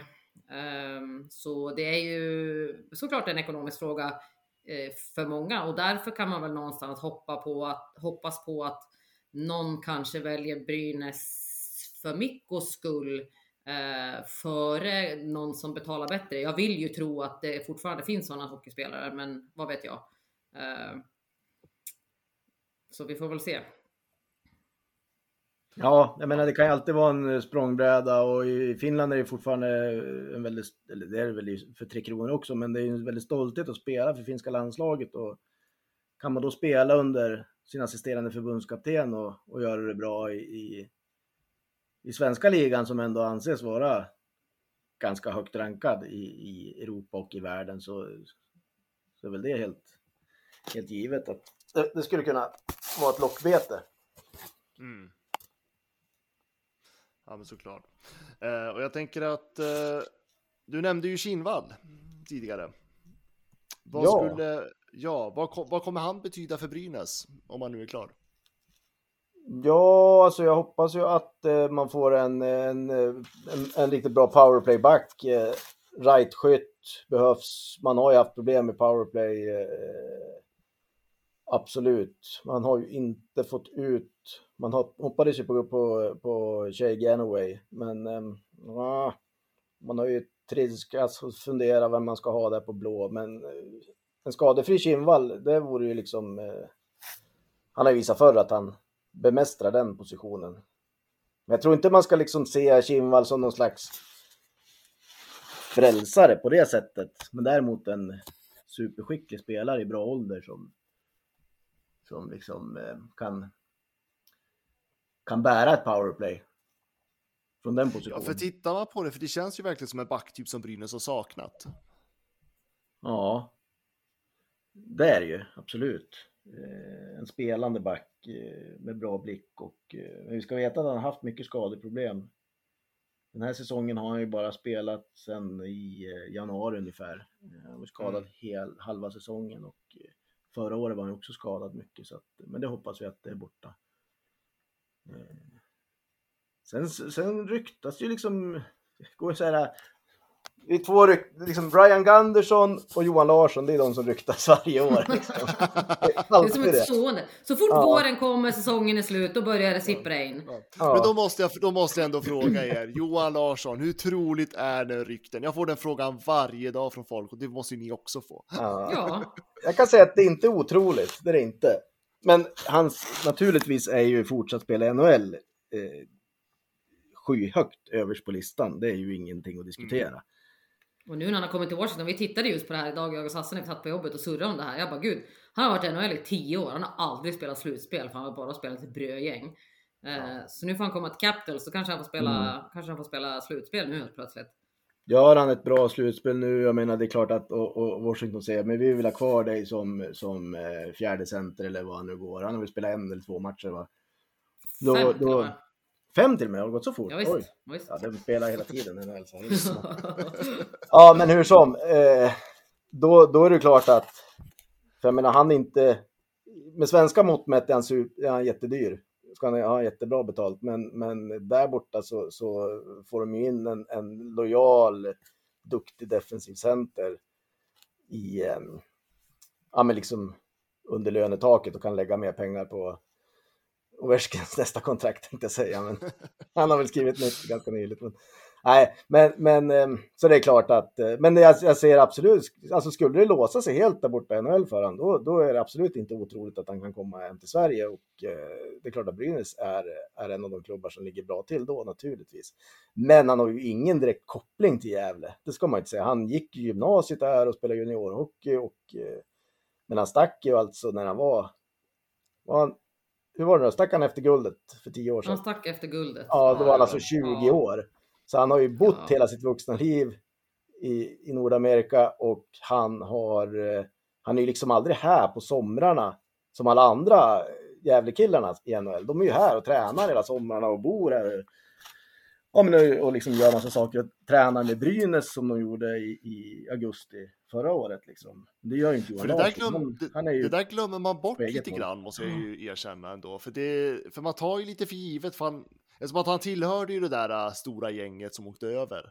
Ja. Eh, och vann, och vann, först vann guld med oss då, och sen så stack de. Eh, och ja, men då så tänker man liksom, han gick igenom ja, men junior, några Mm. juniorår i Brynäs och tog guld här. Då, vi tar ju det för givet som att ja, men då är han en av, en av Brynäs. så, men det är ju som du säger, det är ju inte säkert. Nej, och det var väl något rykte för några år sedan att Frölunda var på och ryckte i honom och sådär. Men eh, eh, det är klart att han har ju en koppling hit, självklart, eftersom han, han hade sina ungdomsår, eller man säger, juniorår och Mm. eh, gick gymnasiet här och sådana grejer. Men det är ju jättelänge sedan, så han har ju liksom inget annat som liksom, kopplar honom till Gävle på det sättet. Men eh, eh, någon vaktmästare är väl kanske kvar eller någon Ballen är kvar. Ja men P och Jesse är ju kvar, materialarna. Så Ja visst. Någon kan minnen. kvar. Och Bertilsson. Och Berra, precis. Och. Berra, ja. Ja men precis. Äh, vi får väl se, det där kommer ju naturligtvis dröja jättelänge och... och, och Ja, kommer han inte i år, då sitter vi här om ett år och diskuterar. Tror ni Ja. Johan Larsson kommer hem i år? Va? Det känns Ja, ja, som det så kommer det ryktas nu. vara. Ja, visst. Ja. Frågan till 41. Rank Andersson 41 år gammal. Ja, det ryktas att han eventuellt har bra form nu ändå. Man bara, nej. Ja. Ah. Beckis, Ja, men, Beckis eh, har så- hunnit hem och, och gjort eh, en, Ja. två säsonger här, men snackar ju fortfarande Johan Larsson som kommer hem. Ja. Vad ryktas om Johan Larsson nu ändå? Ja. Ja, men då vill jag, alltså då är det ju ändå att eh, om man verkligen hoppas på Johan Larsson så ska man inte ge upp i alla fall. Då. Nej, det tycker jag inte man ska göra.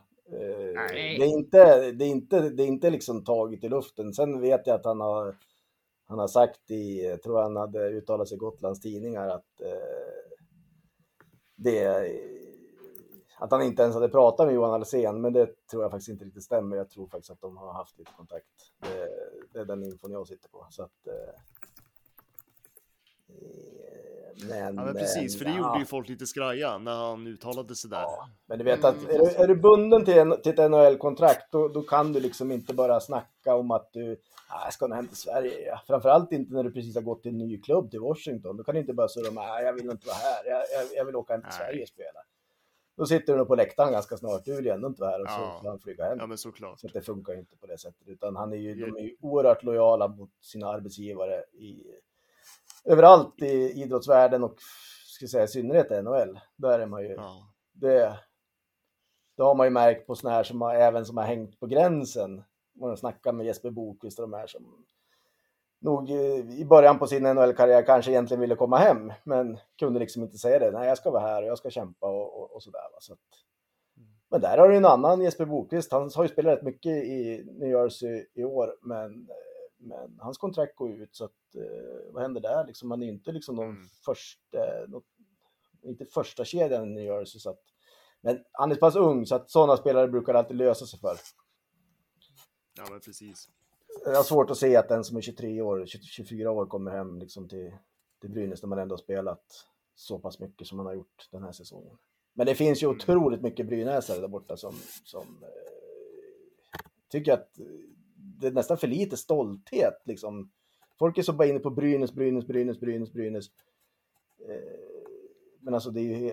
Och, och så plus att det blir så här... Um, eh, ja, men när det går lite sämre för, för eh, juniorerna något år, då tänker man bara att åh, vad dåliga de är, vad dåliga de är. Du, har ju så mycket bra, tagit fram så mycket bra juniorer. Ja, men hej, det är ju helt omänskligt egentligen. Vad är det, 10-12 stycken kanske som är i NHL, som är från Gävle?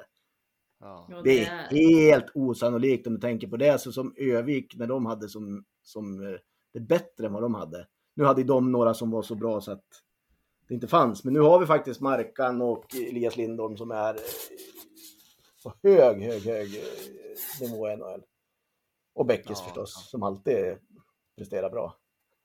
Mm.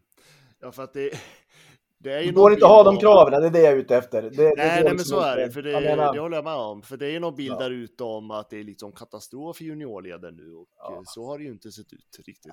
Vi pratade också om det idag, jag och Karin, att eh, men hallå, de, de blev alltså tvåa i Sverige i J18. Det, Ja. Tänk andra klubbar, liksom, tänk så mycket hockeyklubbar det finns och hockeyspelare det finns. Och Brynäs var tvåa, det tycker jag är, det, det, och ändå är det katastrof. Förstår du? Mm. Alltså kraven Ja, ja. är, är... Jag tror inte, alltså de här äh, som jag brukar kalla för Twittermaffian, de har inte...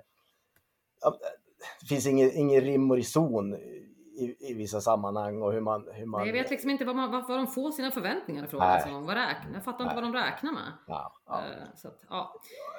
Jag menar, det, och vi måste ju också vara realister. Jag menar Brynäs, det är bara att, att Brynäs i lilla staden Gävle har spelat i högsta serien i 60 år. Det är liksom helt, det är helt stört egentligen när man tänker efter. Och menar, men, men sen är det liksom 50 år sedan de var dominant i svensk hockey. Det är 50 år sedan. 45-50 Ja. år sedan. Nej, men det, det är så länge sedan. Det är liksom... Men sen under Ja, det ligger de i fatet än, än, än idag. Det ligger de i fatet. Alla tror, det, de har ju samma förväntningar. Bara för att de har vunnit så mycket då så ska man ha samma förväntningar nu, vilket är helt Ja, orimligt. För ja. man har tagit menar- fyra guld på ja. 40 år. Ja, men, ja, Det var ju någon, eh, nu vet jag inte vem det var, men det var ju någon i föreningen som var, alltså förra året när det gick så dåligt, som sa att Brynäs har inte varit bra sedan 1977. Nej. Nej, men faktiskt, det är ju... Det ligger ju en viss sanning i det. Ja, ja men Jag det kan säga det. så här, jag har ju bevakat Brynäs i 20 år. Och det är två finaler har jag, har jag upplevt. Ett guld, Ja. ett silver. Och så är det fyra kval. så att, jag menar, där någonstans måste man ju ändå lägga... Sen kan man ju tycka att de där åren i, i början på 2000 när man åkte ut i kvartsfinal hela tiden. Ja, men okej. Och man kan tycka att, för antingen åker de ut i kvart, eller så får de spela kval, eller så går de till final. Så har det sett ut. Det finns ingenting mittemellan liksom. Det är Nej. liksom aldrig att man, man är med och kämpar och man kanske går till semi och är på den nivån och ligger på övre halvan i tabellen, utan man, man är liksom... Så att visst, det är, klart att man, det är klart att man ska ha krav och man kan ha förhoppningar och det är ju det fansen är till för, men... Eh, och det är klart, jag, det är mycket roligare att skriva när de, som 2017 när de gick till final, än att hålla på och harva Ja, i, i, i de här regionerna de åker ut mot Örebro eller de får kvala mot HV. Det är klart det är roligare när det går bättre. Det tycker vi också. Men det, Ja, det är ju samma jobb som ska göras liksom från alla håll. Ja. ja, men det är såklart. Det är, det, är, det är klart, det är roligare att bevaka slutspel än kval. Också. Ja. Det är gladare spelare i alla fall att prata med. Lite mer mediavänligt också kanske. Ja, en aning. Jag tänker vi går vidare till vårt SDHL-lag som eh, vann serien med råge, om jag får säga så. Och hade en eh, väldigt fin, fin slutspel, men vart sen utslagna av Luleå i SM-finalen framför en rekordpublik i Gävle. Karin, Ja, det här gillar du att prata om.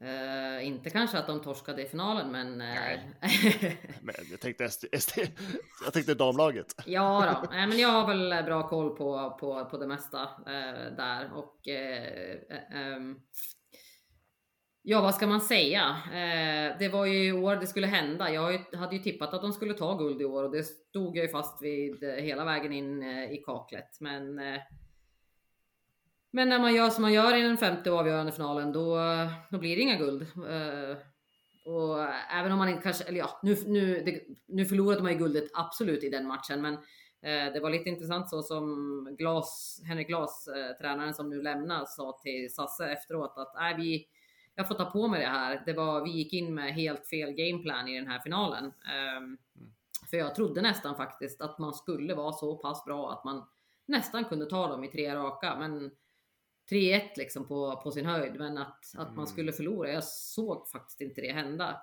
Eh, så att det var en missräkning från min sida och eh, ett, ja, en missräkning från Brynäs sida skulle jag väl också eh, tro. De är väl också väldigt besvikna över det här.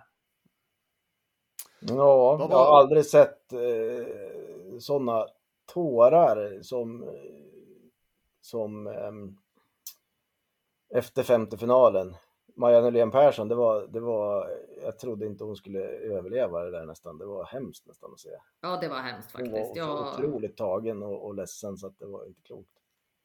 eh, jag tror Fick ju Börje Salming Trophy här nu som bästa back, men jag vet inte hur mycket plåster på såren det är för att eh, jag... Eh, ja, jag tror att det har tagit jättehårt på dem. De fick verkligen så leva en dröm där under några matcher och spela inför så här mycket folk. Eh, Ja.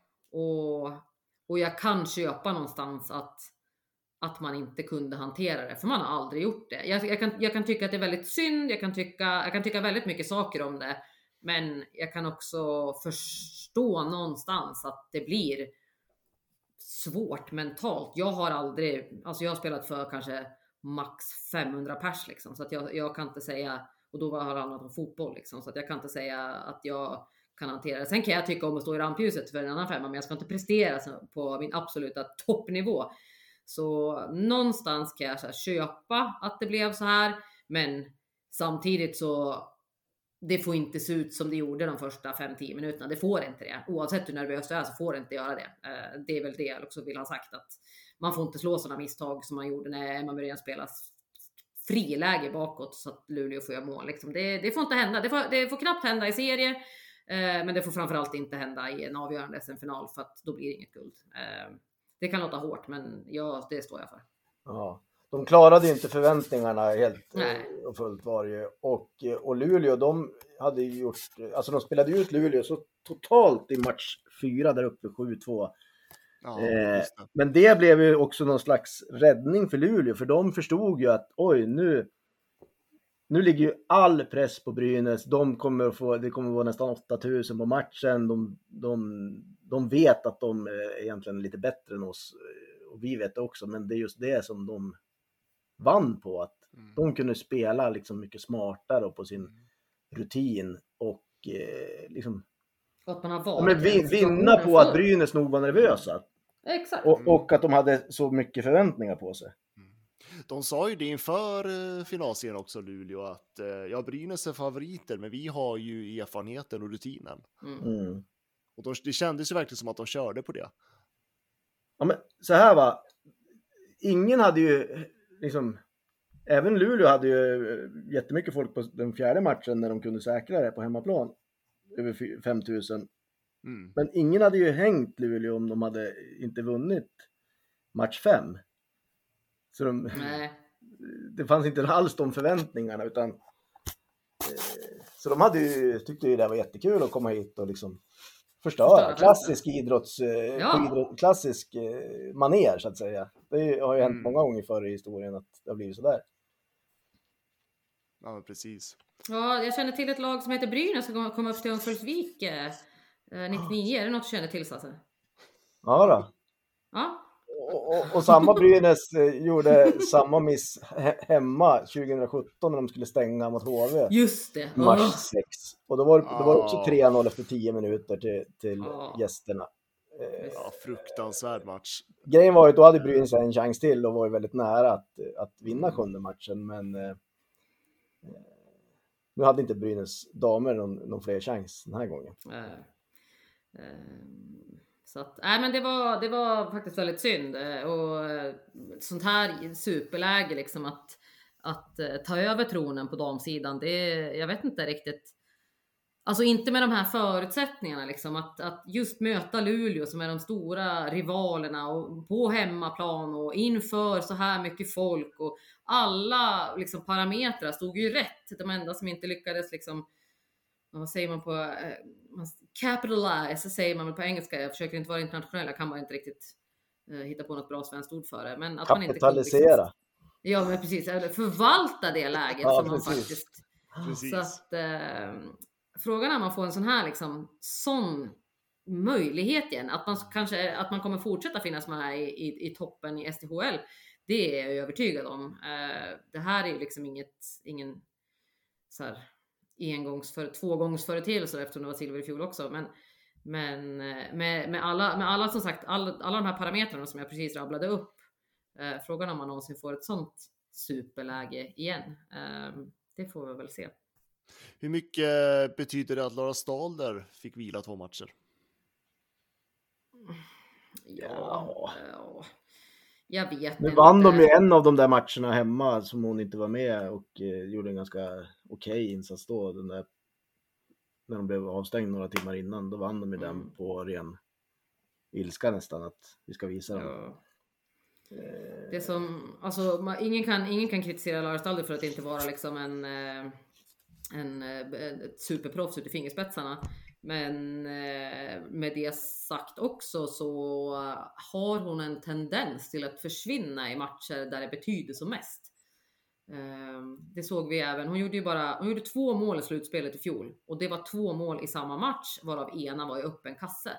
Eh, och det, det, är väl liksom, det spelar liksom ingen roll att hon gör 89 poäng i grundserien. Jag tror att hon rent ärligt skiter i det också för att hon hade hellre liksom avgjort. Tänk om hon hade satt friläget efter 23 sekunder. Då hade, då hade Brynäs eh, firat på torget dagen efter. Nu gjorde hon inte det för att hon har en tendens till att inte kunna leverera när det gäller som bäst. Och det säger jag med all respekt för henne för att jag beundrar den idrottskvinna hon faktiskt är. Eh, så, men, eh, men det är väl hennes nackdel som sagt att hon inte riktigt kan leverera när det, när det betyder som mest. Kolla, kolla på Vivi Vainika och Nora Toulouse i, i Luleå, de som bar Luleå genom hela finalserien. Ja, de, de gjorde det, det som behövdes. Mm. Och sen ska man ju veta att hon får ju naturligtvis en helt annan eh, bevakning på sig och eh, eh, ja, alltså Luleå, Luleå är, är ju ändå så pass skickliga att de är så medvetna om att vi, vi ska försöka stänga ner henne så mycket vi kan och, och försöka rätta upp henne så mycket det går och eh, göra vad vi kan för att stoppa henne och då, då tappar hon det lite grann. Det märks ju också. Mm, hon har ju mycket humör eh, på det sättet. Liksom. Eh, och, men sen eh, tror jag att det också har betydelse, för det pratade vi också om jag och Sasse, att eh, betydelse för Josefin Boängs eh, poäng. För att hon försvann ju helt i några matcher när hon inte hade Stalle med sig. Och sen kom Stalle tillbaka och helt plötsligt gjorde Josefin Boäng ja, åtminstone mål i fjärde finalen i alla fall. Ja. Eh, sen ly- lyckades inte hon heller speciellt bra i, i finalserien. Så att, Nej, men det tror jag att hon påverkades nog, var nog den som påverkades mest av att inte ha, ha Lara med sig där. precis. Det tror jag. Så, hon på, hon, så precis, Boäng påverkades mer än vad själva Brynäs gjorde. Typ så. Ja. Och det är klart att då, det är avhängt också på hur det gick då, eftersom även Ja. Boväng är en duktig spelare som gjort mycket poäng och så. Men Mm. ja, nej, det, det, annars tycker jag det är intressant att fundera hur den här publik, den här, eller det här intresset som väcktes, var det eh, för att det blev, som det ofta blir i Gävle och kanske på andra ställen, en grej att man, åh, det här ska vi gå på, det här är en grej, vi, nu, nu, och så att man suktar efter någon form av framgång för Brynäs och plus att herrlaget var utslaget. Eh, eller vad tror du Karin, kan det komma lite mer publik än eh, snittet som var 153? Jag säger inte att det ska komma åskådare i tusental en, en onsdag kväll mot SDE, men kan det liksom ändå komma kanske en, några fler hundra på matcherna i serien också framöver? Har de fått några nya fans så att säga? Som inte har sett Alltså, hockey tidigare? Jag vill ju vara optimist och tro det, men samtidigt så är jag även realist. Jag har ju sett, eh, vi har ju sett det här tidigare när juniorerna, när J20 till exempel har spelat final, då kom det också 4-5 tusen på någon avgörande final som Mm. Eh, och, eh, och sen var det fortfarande 57 som kom när serien drog igång igen. Så det är klart att jag tror väl kanske någonstans att ja, men kanske på premiären då kanske det kommer 327 personer. Eh, men en, ja som du säger, en onsdag mot SDE hemma eh, 19.00 i monitorn liksom. Då tror jag ändå att det är jag och några farmödrar som sitter där igen. Liksom. Så att, eh, Ja. men eh, motbevisa mig gärna alla som har upptäckt det här nu. Jag hoppas verkligen att det är så här. För att jag tänker, för jag, det pratade vi mycket om också eh, när jag var där. Att det är lite här man bygger liksom idoler och förebilder. Att små tjejer kan också se att shit, fan titta jag kan också spela inför så här mycket folk och nu vill jag också gå på hockey. Eh, så att jag hoppas någonstans att det är väckt intresse hos eh, små tjejer framförallt som ehm, som kanske hittar ett intresse för hockeyn och får nya idoler och förebilder. Och det, jag såg någon intervju med Henrik Glas här att han var stolt över att nu är det nästan lika många tjejer som går på liksom tjejhockey som det går på pojkhockeyn eh, som små kids liksom. Och det är ju fantastiskt i en hockeystad som, som Gävle är, vare sig man vill eller inte. Mm.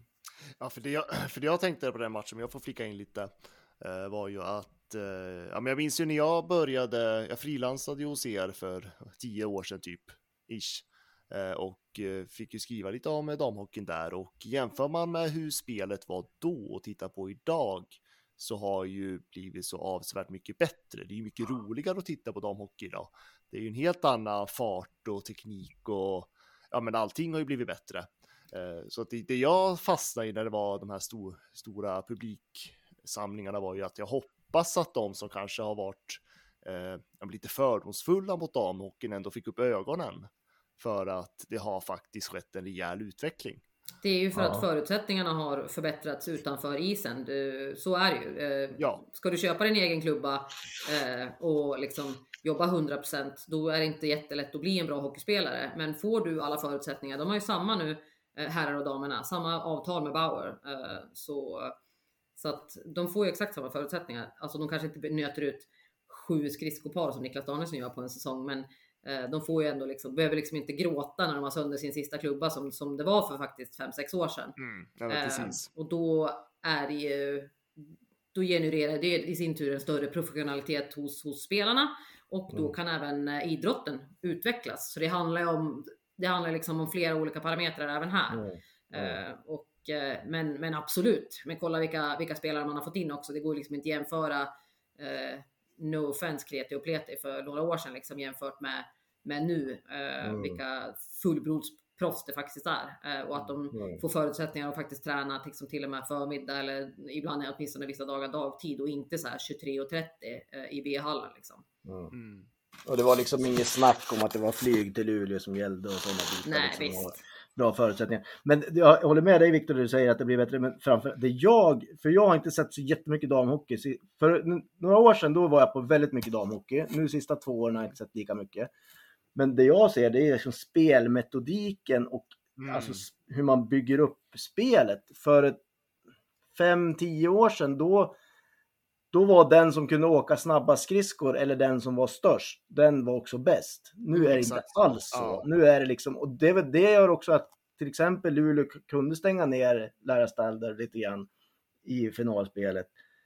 Men man har en helt annan tanke, man, man, hur man tar in pucken i zonen, hur man, hur man liksom ja, spelmetodiken, alltså hur man spelar spelet i ishockey. Att det finns hela tiden en tanke med allting.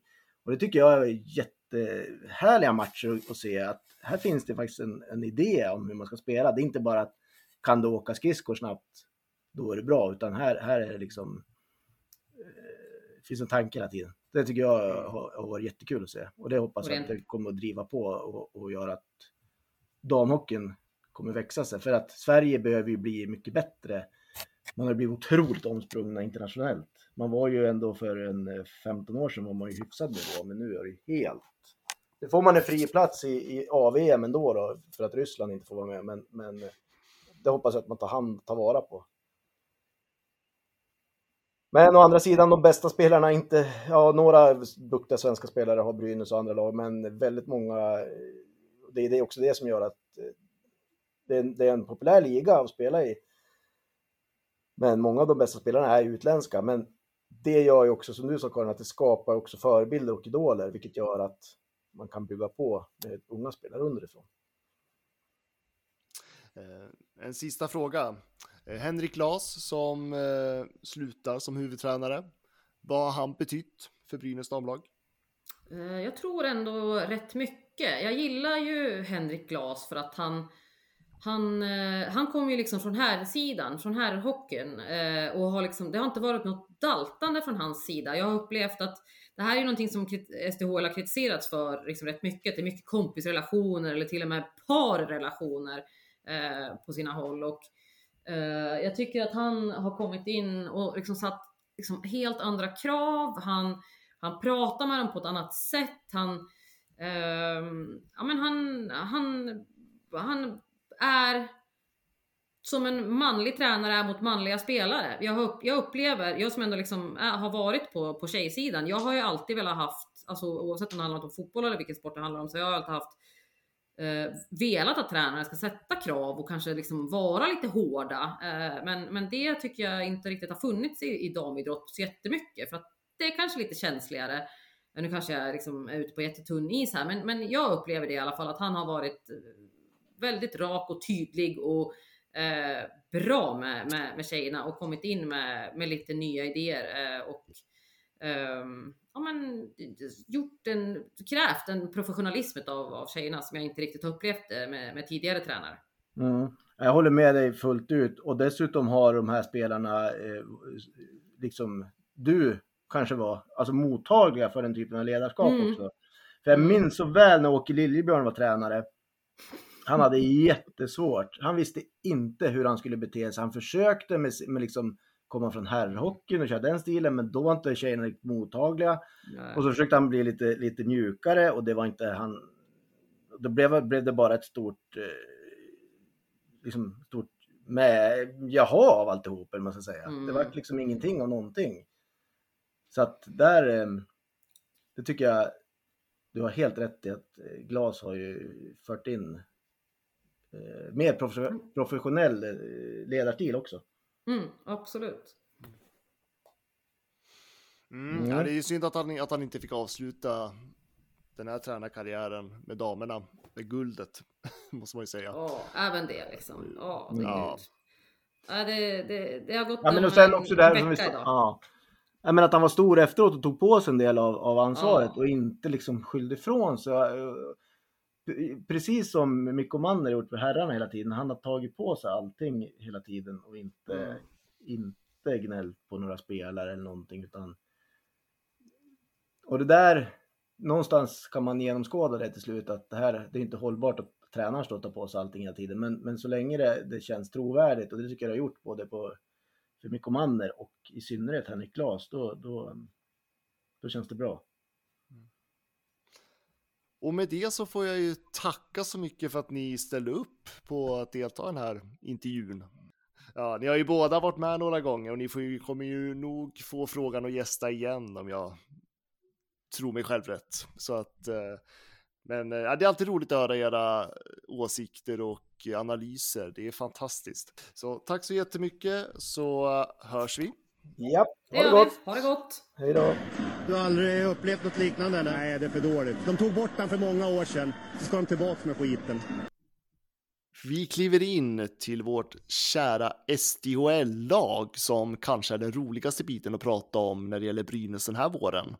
De spelade ju final som gick till en avgörande, femte avgörande, där Luleå drog det högsta strået. Fredrik, om du skulle analysera den här finalen? Ja, det blir ju lite av ett antiklimax hela finalen tycker jag. Ehm, till att börja med jäkla synd att det blev som det blev för det är lätt att använda den här, analog- eller den här liknelsen igen, men jag tycker att den passar väldigt bra in på att när Brynäs steppar upp och har sin bästa version av sig själva, då är man SDHLs överlägset bästa lag. Ehm, men deras lägsta nivå, ja man vänder på det, Brynäs högsta nivå är så hög. Luleås lägsta nivå var mycket bättre än våran lägsta nivå. Så kommer vi inte upp i vår egna potential, då krigar Luleå ner oss. Och det var det som hände i tre av fem matcher. För jag tycker ändå att två matcher var som man vann var det en tydlig fördelning och rättvis vinst. Så jag tycker också det är rättvist att den här matchen gick till fem. Men där kommer Brynäs återigen inte upp i sin egen potential och då glider Luleå iväg med det. Mm. Jag tycker att Luleå vann den mentala kampen, helt Ja. klart. Eh, Jag tycker att eh, Luleå sa ju det också inför den här matchserien att ja, Brynäs är favoriter, men vi har rutin och erfarenhet. Verkligen. Och eh, visst, det är jättelätt att efterklok så att jag ska inte gå med släggan för hårt. Men jag, kan, jag blev lite irriterad då och jag blir lite irriterad på det nu. Eh, när Brynäs gick ut med den här serien Resan mot första guldet. Ja, Eh, som var lite som att man tog, alltså det var, man gör inte så känner jag. Det är så här, Brynäs har inte vunnit någonting, det var inte, resan var inte ens klar. nej.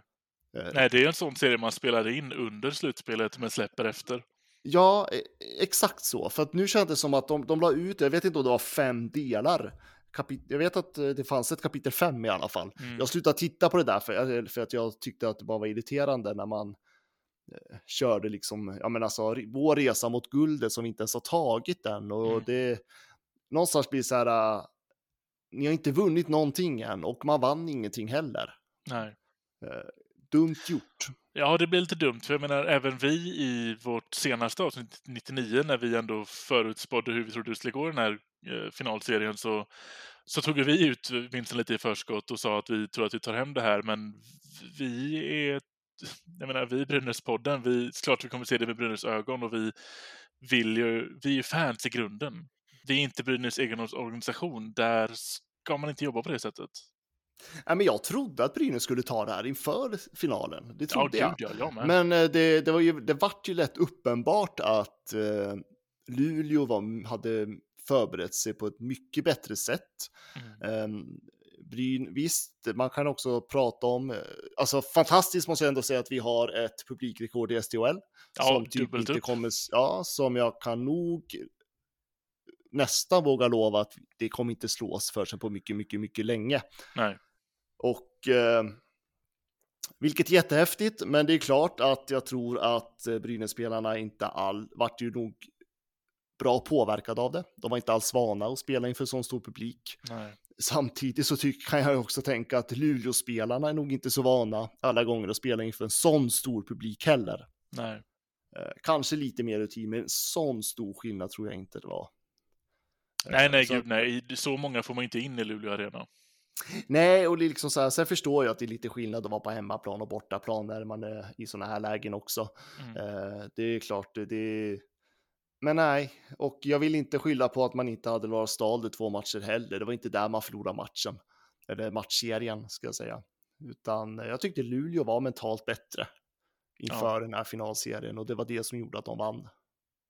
Ja, det blev lite för mycket. Individuellt så tycker jag ändå att vi hade högre skicklighet över hela laget, men, men det var också individuellt, för man kom inte ihop riktigt som det laget man behövde komma ihop som för att ta det gemensamt vidare. Det gjorde Luleå där- däremot. Så det blir lite det. Jag, jag vill inte heller skylla på att vi inte hade Stalder, men hade hon varit med så hade vi kanske fått in något mer mål som gjort att vissa matcher kanske hade gått till förlängning eller vi kanske hade knipit en match eller någonting i den stilen. Men, men det är som du säger, det är inte där vi förlorade, för hade vi gått ihop som ett lag och gjort samlat den individuella skickligheten till ett lagbygge så, så hade vi plockat hem det här. Ja, men det tror jag också. Eh, Så nu, nu gäller det bara att bygga om, bygga nytt, eh, försöka behålla så många spelare som möjligt. Mm. Det ska bli väldigt spännande faktiskt. Det är ju nästan lika många på herrsidan på damsidan som har utgående kontrakt. Så att där, där finns det ett jobb att, att göra och bygga ett nytt vinnarlag. Mm, det känns ju som att ja, men nästa år kan, kan det gå. Ja. Eh, Om de får behålla, det gäller att de får behålla stora delar av truppen naturligtvis och eh, såklart stärka till. Eh, Brynäs var ett annan grej som var väldigt dåligt i den här säsongen var ju powerplay för Brynäs damlag. Mycket. Eh, Försvarsspelet tyckte jag inte funkar alla gånger heller. Nej. Så att det är mycket som håller på som behöver förbättras och sen så ska ju det till en eh, nya tränare på dams, damlaget också. Precis. Så att det kommer att vara mycket förändringar där också. Så att det känns ju som att nästa säsong 2022-23, det känns som att det blir så här he- det är helt nytt Brynäs som kommer gå ut Ja, på men det tror jag. Det kommer det vara. Det kommer vara en förändring för, för alla involverade och förhoppningsvis så ser vi tydligt att det är en förändring till någonting bättre för nu har man ju ändå erfarenhet av, av att spela finaler och det, det tror alla som signerar ett kontrakt med Brynäs nästa år kommer vara medvetna om att det, det är nästa mål igen och den här gången är det att knipa finalen. Samlat Skellefteå-försvar, Jakob Silfverberg. Men vilket mål han gör! Vilket mål han gör, Jakob Silfverberg! Nu har han gjort flest mål i en SM-finalserie i ett SM-slutspel genom tiderna. Men vilket mål han gör! Från ingenstans, Leif! Det går inte! Han gör mål! Ja, då kan vi väl ändå avslöja att det var ju så att jag fick ju sitta och prata med Mikko Manner. Ja, jäkla spännande. Väldigt rolig intervju måste jag säga och eh, höra lite hans tankar kring den här säsongen, hur det har varit och eh, framåt. Eh, Men jag ska tillägga att den här intervjun gjordes exakt en vecka efter att Brynäs hade åkt ur. Så att det är lite vi pratar om som kanske är lite preskriberat nu när det kommer till silly-nyheter och så vidare. Mm. Eh, Och, men eh, i övrigt så är, eh, handlar det ju mycket om säsongen och framåt. Så jag tror ändå att det kommer bli rätt intressant att höra på vad Mikko Manner har att säga. Det brukar ju vara det oavsett vad han har att säga. Mm. Så att jag tänker att vi drar igång intervjun på en gång. Jag upplevde upplevde ju ett självmål med en jävla skitregel. Vet du fan som har kommit på de där jävla reglerna. Fan ska de kunna göra mål när de har en avvaktande utvisning eller? Ja, då sitter jag på länk tillsammans med Brynäs huvudtränare Mikko Manner. Varmt välkommen till Brynäspodden. Ja, tack så mycket. Eh, Det var nästan exakt en vecka sedan som er säsong avslutades, nu när vi spelar in den här intervjun. Eh, Hur har det varit de här dagarna efteråt? Ja, första dagarna det, det är bara äh, lite sömnig och sådana att, att det, det är svårt att, att äh, förstå att, att det finns ingen nästa dag, dag som hockeylivet kvar. Och, och, men nu, nu har jag resat tillbaka hit i, i Finland, i Vasa, förra fredags så nu har jag bara tagit lite semester, lite lugnt och, och laddat för mig att, att nästa söndag åker jag till eh, första VM-lägret med finska landslaget. Så först det var lite, lite eh, en liten, hur säger man, överraskning till hela kroppen och, och, och huvudet när säsongen slutar, men nu är det börjat vara lite, lite bara ta det lugnt och, och, och, och försök vila och ladda upp igen. Jag tänkte vi ska gå lite in på säsongen som varit, men vi backar bandet innan säsongen, när du kom till Brynäs. Eh, för du kom ju till en förening som hade haft det väldigt trassligt, eh, väldigt eh, många mörka rubriker runt Brynäs och det var många som lämnade föreningen. Sen kommer du in. Hur var det att komma till Brynäs där och då? Ja, men det, det var mitt nästa steg som tränare, drömmen att få, få göra det här arbetet i utomlands och Sverige, SHL var en sån äh, målsättning i framtiden, att kanske jag kan prova att kan jag, kan jag vara en tränare där och jag, jag, jag vet att det har inte varit många finska tränare de sista åren i, i SHL, så när Brynäs frågade mig så i det här arbetet, om du säger många gånger nej så ingen frågar dig efter den, så, så det var en lätt val. Jag, jag tänkte inte så mycket att vad har hänt i, i Brynäs, jag bara vet att det var stort ära att få vara med i SHL och sen sådana legendariska klubben som Brynäs är, så det var ganska äh, lätt för mig att komma in när det har varit lite turbulens. Och vad, vad är din bild av Brynäs som förening idag? Ja, det är sen så att alla har samma, uh, hur säger man, uh, viljan att, att äh, vi människor in i förening, att vi börjar må bra och när vi börjar må bra och vara stolta över vad vi gör och uppskatta varandra, vi vet att den viktigaste saken sen är att, att äh, vara bra där, där in, i, eller in, in på isen in på isen och, och, och få den där herrlaget och damlaget äh, spela bra och, och tävla där, där med, med, med hårt in i, in i medaljerna och så. No, men samtidigt, jag, jag säger att vi är på rätt, rätt, rätt väg hela tiden och det ser, det ser bra ut nu. Eh, Och Gävle som stad, hur trivs du i den? Ja, kanon, bra stad och alla, alla Äh, behöver ingen bil, du får cykla, cykla ishallen är, är bra och området där. Är riktigt vackert och, och, och sen äh, folket vill att, att Brynäs är någonting speciellt stora där så, så det, det är en ära att få vara med men samtidigt jag vet att jag har också ansvar att det är inte bara att, att, att äh, göra ditt arbete. Måste också lyckas, lyckas bra att, att hjälpa Brynäs igen till toppen.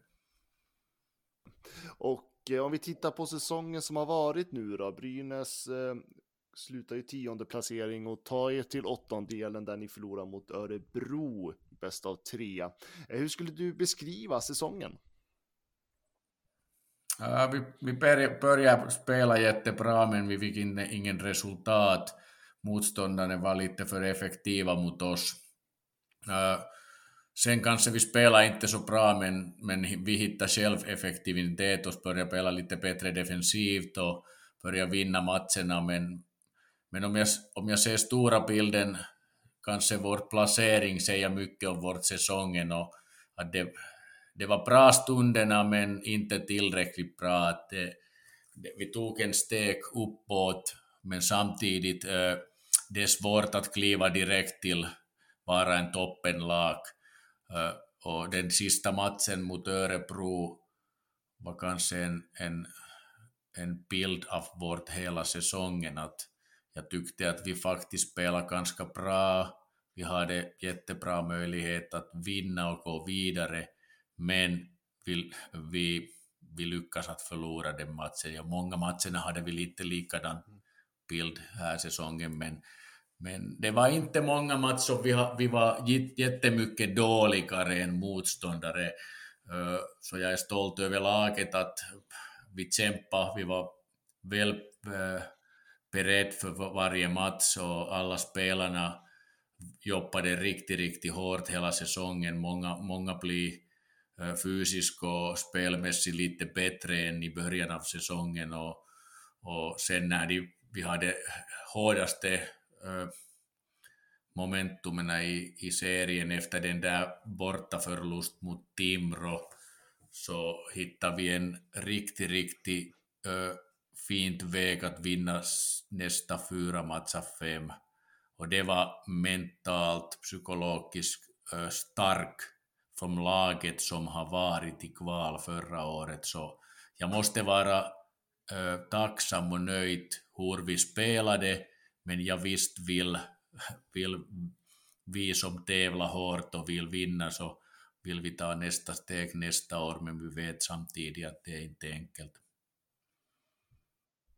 Ja, precis, för att om man blickar framåt, så här, vad är det som fattas i Brynäs eh, som du ser det? Vad är, det liksom, vad är nästa steg för föreningen att ta för att man ska börja klättra? No, det är kanske den Kurre Lindström när han kom till finska landslaget 95, att jag, alltså Finland vann första VM-guld med Kurre efter de har varit nära, så Kurre sa det att gör alla sakerna lite bättre. Jag tror det är den där, alla vill att du är snabb upp i toppen, men du också vet att, att tålamod och det tar tid, att du kan in, inte, hur säger man, du kan inte skynda över små stegen när du bygger huset eller, eller växer någon blomma. Du måste ge, blomma vill, måste få ljus och vatten och liksom inte inte på en gång.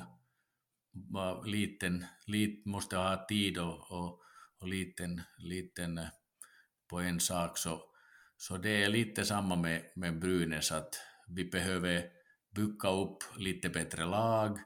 Sen måste vi, tränarna göra vårt arbete, vi, vi känner oss lite bättre nu, så äh, försök få en taktisk och, och, och teknikspelet lite bättre och sen hela förening nästa steget, äh, lite renovering där i omklädningsrummet, att spelarna har lite bättre platserna där och sen att hela föreningen vill lära känna oss lite bättre och, och kanske vi får mera folk bakom oss, får får, får lite ekonomi bättre ställe och att vi kan tävla mot dem, de som tävlar i samma placering som vi. Allt, allt som händer med resa, hur, hur planerar vi resorna, bortamatcherna när det Sverige är lång, lång land. Så, så allt sådana sakerna som tillhör en, en professionellt sporten och samtidigt viktigaste sakerna att hela föreningen mår bra och alla uppskattar sig och alla respekterar varandra. Så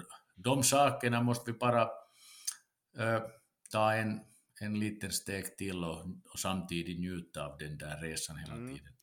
Eh, Brynäs går ju in tidigare än slutspelslagen i det vi folkmun kallar för silly season. Eh, där eh, sportchef Johan Alsen får ju höras väldigt mycket i diskussionerna. Men hur, eh, hur aktiv är du och hur tätt jobbar du med Johan Alsen kring alltså jag tänker förlängningar och nyförvärv och så? Nu för tiden allt, alla vad vi gör är samarbete vi som tränarna och spelarna som spelar vi samarbete och sam, samtidigt vi tränarna och Johan, vårt ledare, alltså cheferna, vi gör uh, tillsammans bygga upp laget. Så, så det blir ingen spelare som Johan bara tar in eller Mikko bara tar in. Det, det är så många olika, olika uh, tankarna bakom en spelare som vi vill ha.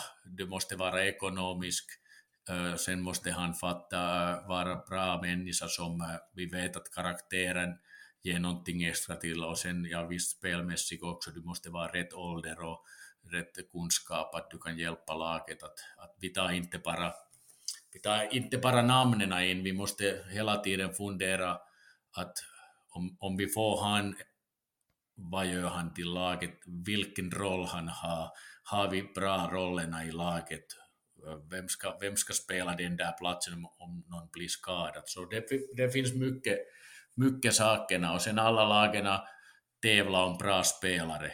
Så, så det är inte enkelt, enkelt att bygga upp laget, men det är viktigaste just nu att vi får bygga upp lite bättre lag som förra året. Sen har det ju också möjlighet att bli lite bättre. Mm.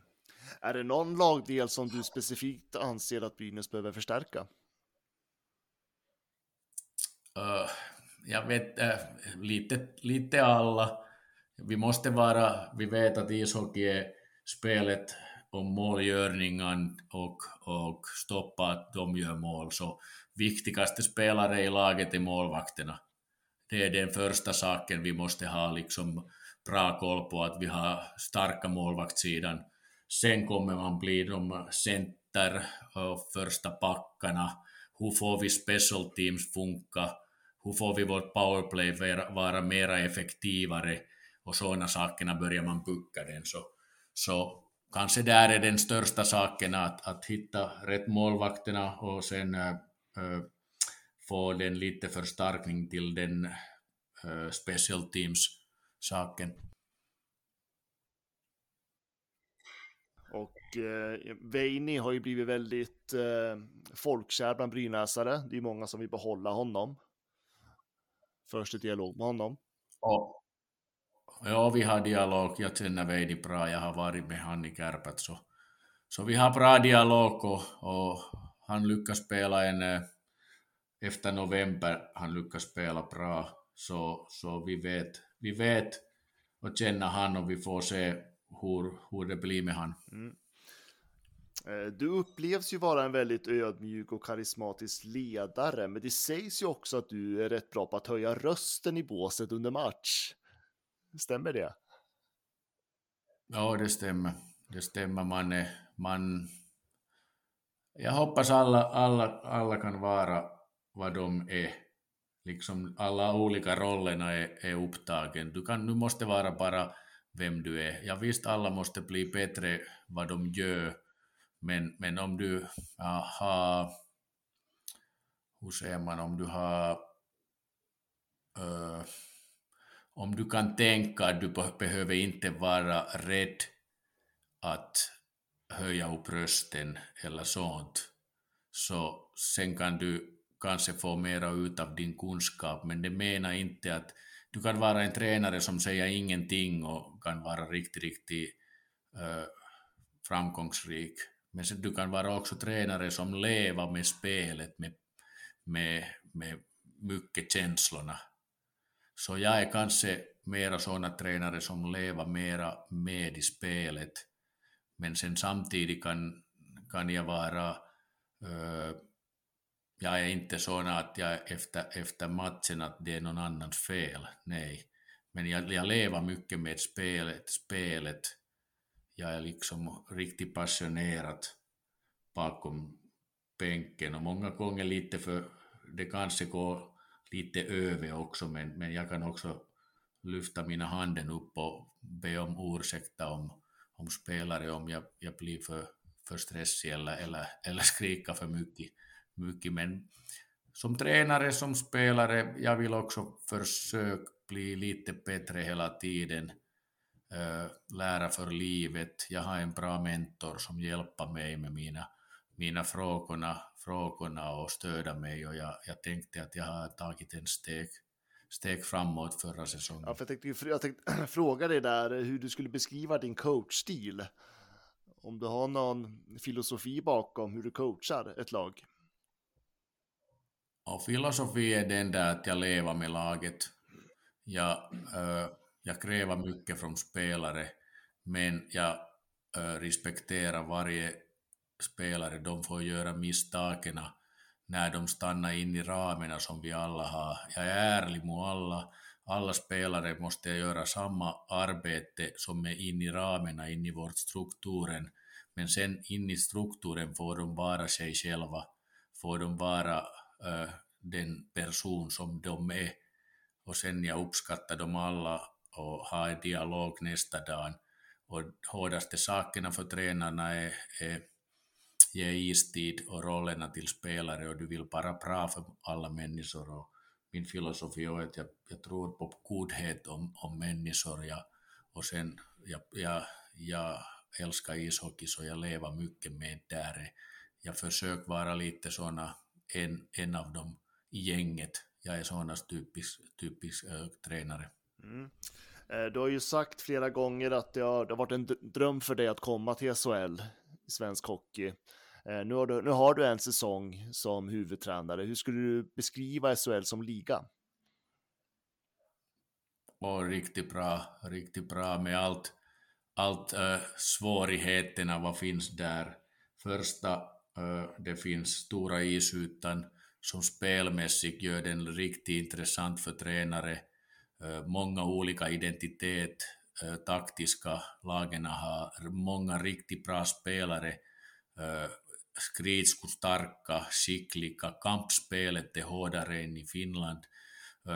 Sen fina ishallerna, fina staderna, nya platserna, mycket folk i varje plats, den Eh, kultur som finns, det är någonting speciellt, att du kan riktigt känna sig att matchen är på gång. Sen eh, hela ligans matchschema är nästan perfekt, du spelar torsdag, lördag, så alla lagen får ladda sig och möta sig med samma eh, förutsättningar. Att ingen behöver tänka att nu någon annan lag har spelat igår och du bara väntar dem.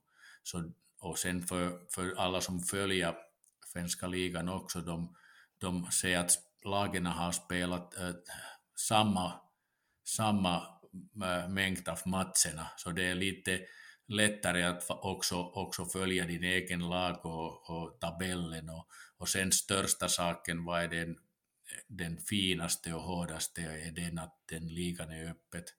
Att varje år en går ner och en går upp. Och den ger den äh, riktig tävlingsmomentum till svenska hockey och det är därför det allsvenskan också ser ut riktigt, riktigt bra många lagen har möjlighet att nå sina drömmar och vi tränarna måste också hitta vägen att, att hjälpa laget och spelarna ta hand om den stressen som kommer med att du kanske kan vara en lag som är där inne in i kvalstriden eller hur säger du?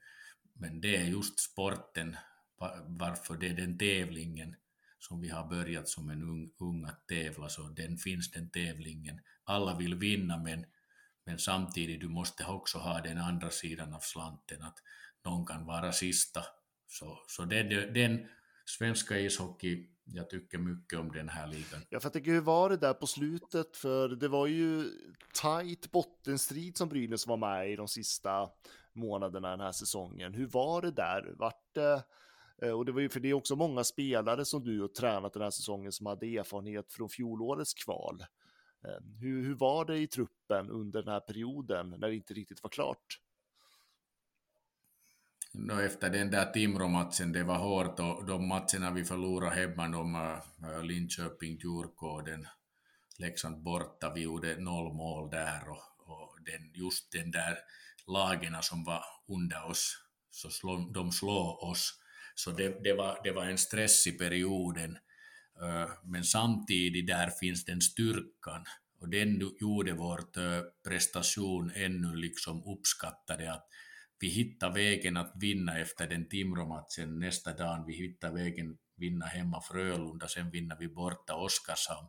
Sen två gånger mötte vi Rögle och igen Oskarshamn, så vinner vi två av de tre.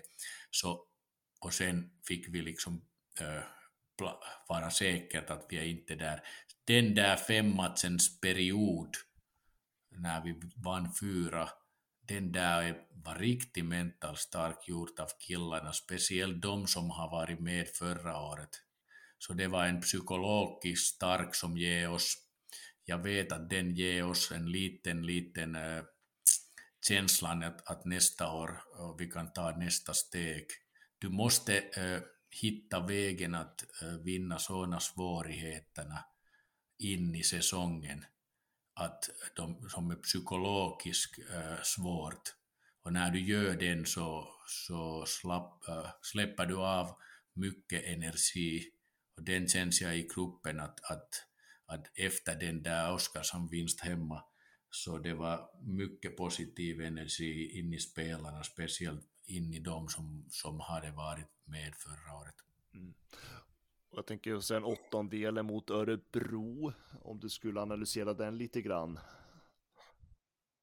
Första matchen spelade riktigt bra 35 minuter, sen de hade lite flyt i deras målgörning. Sen andra match vi var bra, tredje match vi spelade också bra, två perioder ledde matcherna, men sen special teams avgjorde den där gången. Vi gjorde inte mål i powerplay, de gjorde fyra mot tre.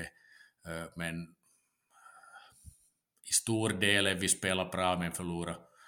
Eh, att, att jag, var, jag måste vara riktigt nöjd med de två sista bortamatcherna, men jag visst, vi hade möjlighet att vinna om vi skulle bara vara lite skarpare där i egen powerplay. Men om vi, när vi blickar framåt ändå, för Brynäs har ju eh, ett, väldigt många kontrakt som går ut. Det låter ju som det, om jag ska tolka rätt nu på den här intervjun så låter det ändå som att du, du är optimistisk när det gäller Brynäs och framtiden. Ja, oh, jag är riktigt optimistisk. Jag visste vad jag vet att alla lagen är riktigt bra nästa år. Uh, ishockeyvärlden har lite förändrats eh, här i Europa efter den där KHL, vad har hänt där? Så då, det finns många, många bra spelare där utanför kontrakt just nu, så det är inte enkelt att bygga upp. Eh, alla, alla andra får också riktigt bra lag, men, men den där energi och den där känslan, vad jag kan liksom eh, känna just nu i, i Brynäs och, och i Gävle runt Brynäs, så jag har en positiv känsla. Damerna är nu tävlar idag hårt, hoppas de vinner och får den Game 5 hemma och publiken stödde dem bra. Och vi har fått mycket positivt stöd hela säsongen eh, att bakom oss. Så, så jag ser framåt att vi är på rätt, rätt håll men vi, vi måste nu fortsätta eh, jobba i, hårt och, och klok och, och närma oss med värdena och, och såna, såna att, att kan ta det nästa steg. Men jag kan känna någonting speciellt positivt runt, runt Brynäs just nu. Ja, men det låter lovande. Eh, jag tänker att vi ska, vi måste ju ändå nämna att eh, du vann ju OS med det finska landslaget. Eh, hur var det där borta i Kina? No, det var en liten tournament, mycket runt med den coronareglerna. Så det var en, hur kan man säga, en Eh, liten fängelsetornament att, att alla var ingen folk och sånt. Du, du kunde inte liksom ha sina sam, samma Olympic-känslan som du kanske har utan corona. Men tornament var kanon äh, lyckat, lyckas, vi lyckas bra, finska lagen, lagen och, och, och rinkerna vi spelade var små rinkerna, så vårt spelsystem och defensivt spel var ganska, hur ser man, enkelt att göra där, där och, och sen den där tournamenten också hade en, en stora uh, vändning eller turning point, hur ser man på svenska den, när, när jag, jag har varit med ganska länge och vunnit någonting. Varje gång om du vill vinna någonting så du måste uh, vinna svårigheterna. Du får varje gång problemer i din resa. Du aldrig vinna att du bara vinna. Så vårt, vårt äh, test kom där i, i Sverige-matchen när Sverige ledde oss 3-0 efter två perioden. Där när vi hittade vägen att vinna den där matchen vinn vi, vann vi vårt gruppen och gick igenom direkt till kvartsfinalerna. Där var den där testet för vårt gruppen. Men det var skönt att vinna sen speciellt den där sista matchen när, när, när den känslan var att vi spelade riktigt bra mot Ryssland och, och, och det första OS-guld till finska, finska laget i bollsporthistoria och ishockey så det var någonting speciellt, st stora ära att få vara med. Ja, för hur blev det? För att eh, bara några dagar efteråt så var du tillbaka i Gävle igen. Eh, var det lätt att liksom sadla om och bli Brynäs-tränare igen efter att ha gjort en sån där historisk insats? Och det var lätt att vara tränare men jag, jag kanske kom några dagar för tidigt. Jag skulle kanske vila några dagar därför det var alla de, de där tid, jetlag mm. och såna, såna också. Så jag kände mig inte, inte så, så normal hjärnan i första, första matchen. Jag skulle kanske ta en några dagar till en, en, en vila, men du vill inte vila, du vill komma snabbt och försök vara där, där för laget. Så. Men vi förlorade direkt första matchen mot Linköping, så jag ju, ju, hjälpte inte laget så mycket. Så kanske det skulle vara bättre att vara bort, men, men du vet, du vill komma dit. Och, och, och för mig det var, jag visste glädje när jag kom in, men samtidigt äh, matcherna började så snabbt så, så jag kanske inte var i min, min bästa version av mig själv mm. just då. Och eh, idag så, du är i Finland nu och eh, sen nämnde du att eh, inom kort så ska du ju börja förbereda inför VM, stundande VM som kommer.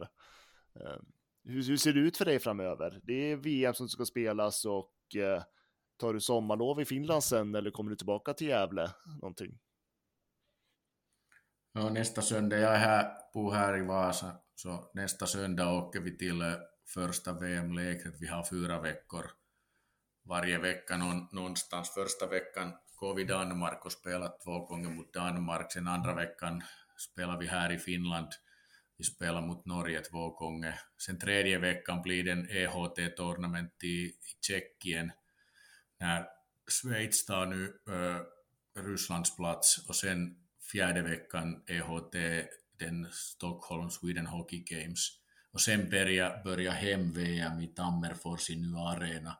Så det är en, en speciellt äh, ishockeysäsongen för oss i finnarna när, när du har hem-VM i nyrinken, nu, nu ishallen. Så, så nu, nu är det nu gäller den där och försök göra mitt, mitt rollen där och hjälpa laget. Och efter den så, sen kommer jag till juni, juni till, till Gävle och en vecka kanske där och sen juli blir det sommarlovet här i Vasa och sen börjar nysäsongen med, med Brynäs. Och ja visst äh, har vi koll på att när Brynäs börjar sommarträningen och vi har där kanonbra fystränare Johan Holmström som har gjort hela säsongen bra jobb, så han har, det, han har största ansvar med, med lagens träningen nu, nu på sommaren. Och sen jag och Ari-Pekka, vi tar sen, sen lite mer ansvar, ansvar efter, efter sommaren, men ja, visst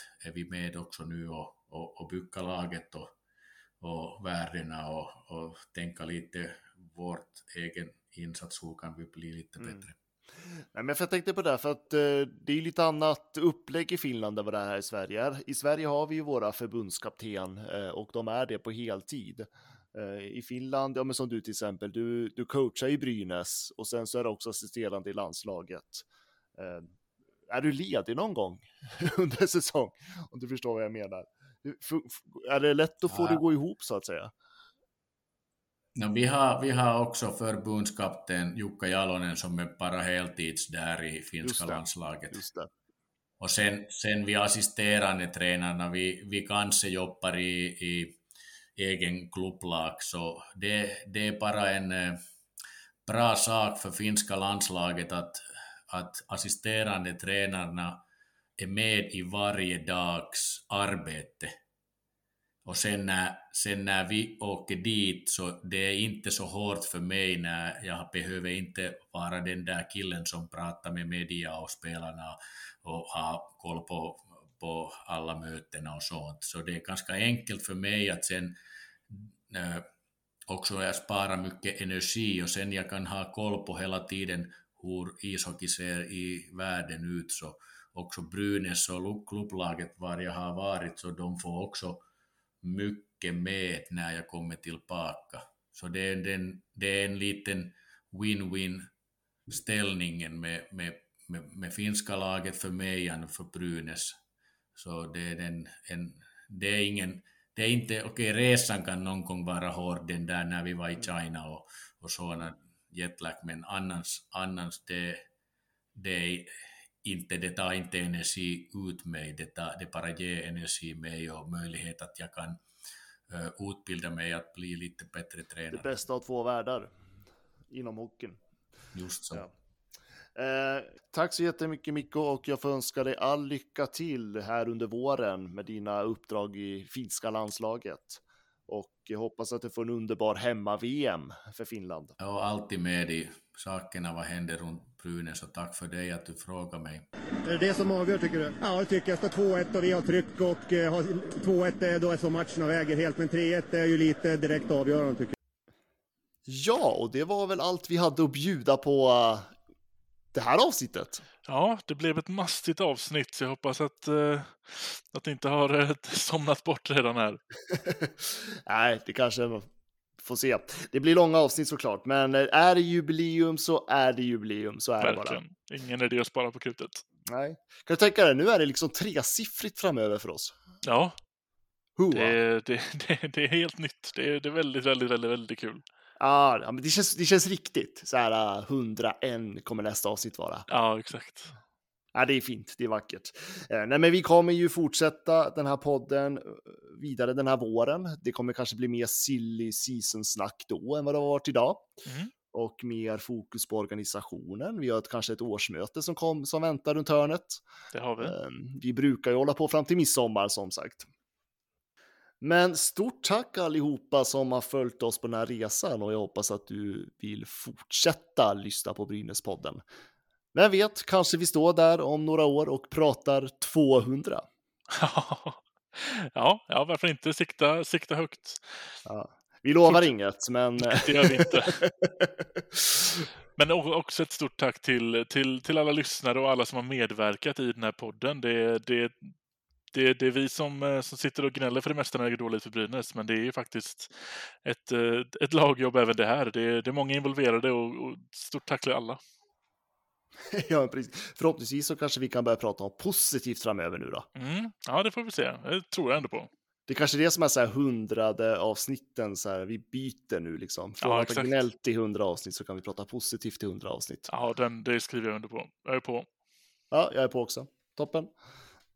Tack så mycket för att ni har lyssnat. På återseende. Eh, Visst var det mål? För de, de ringer Ja, på ja, nu, ja. men visst var den inne? Det, det har ju repriserna i någon mening visat. Men de ska ringa för säkerhets skull. och Här kommer Sören Persson ut och dömer mål, ja. Då är det bekräftat.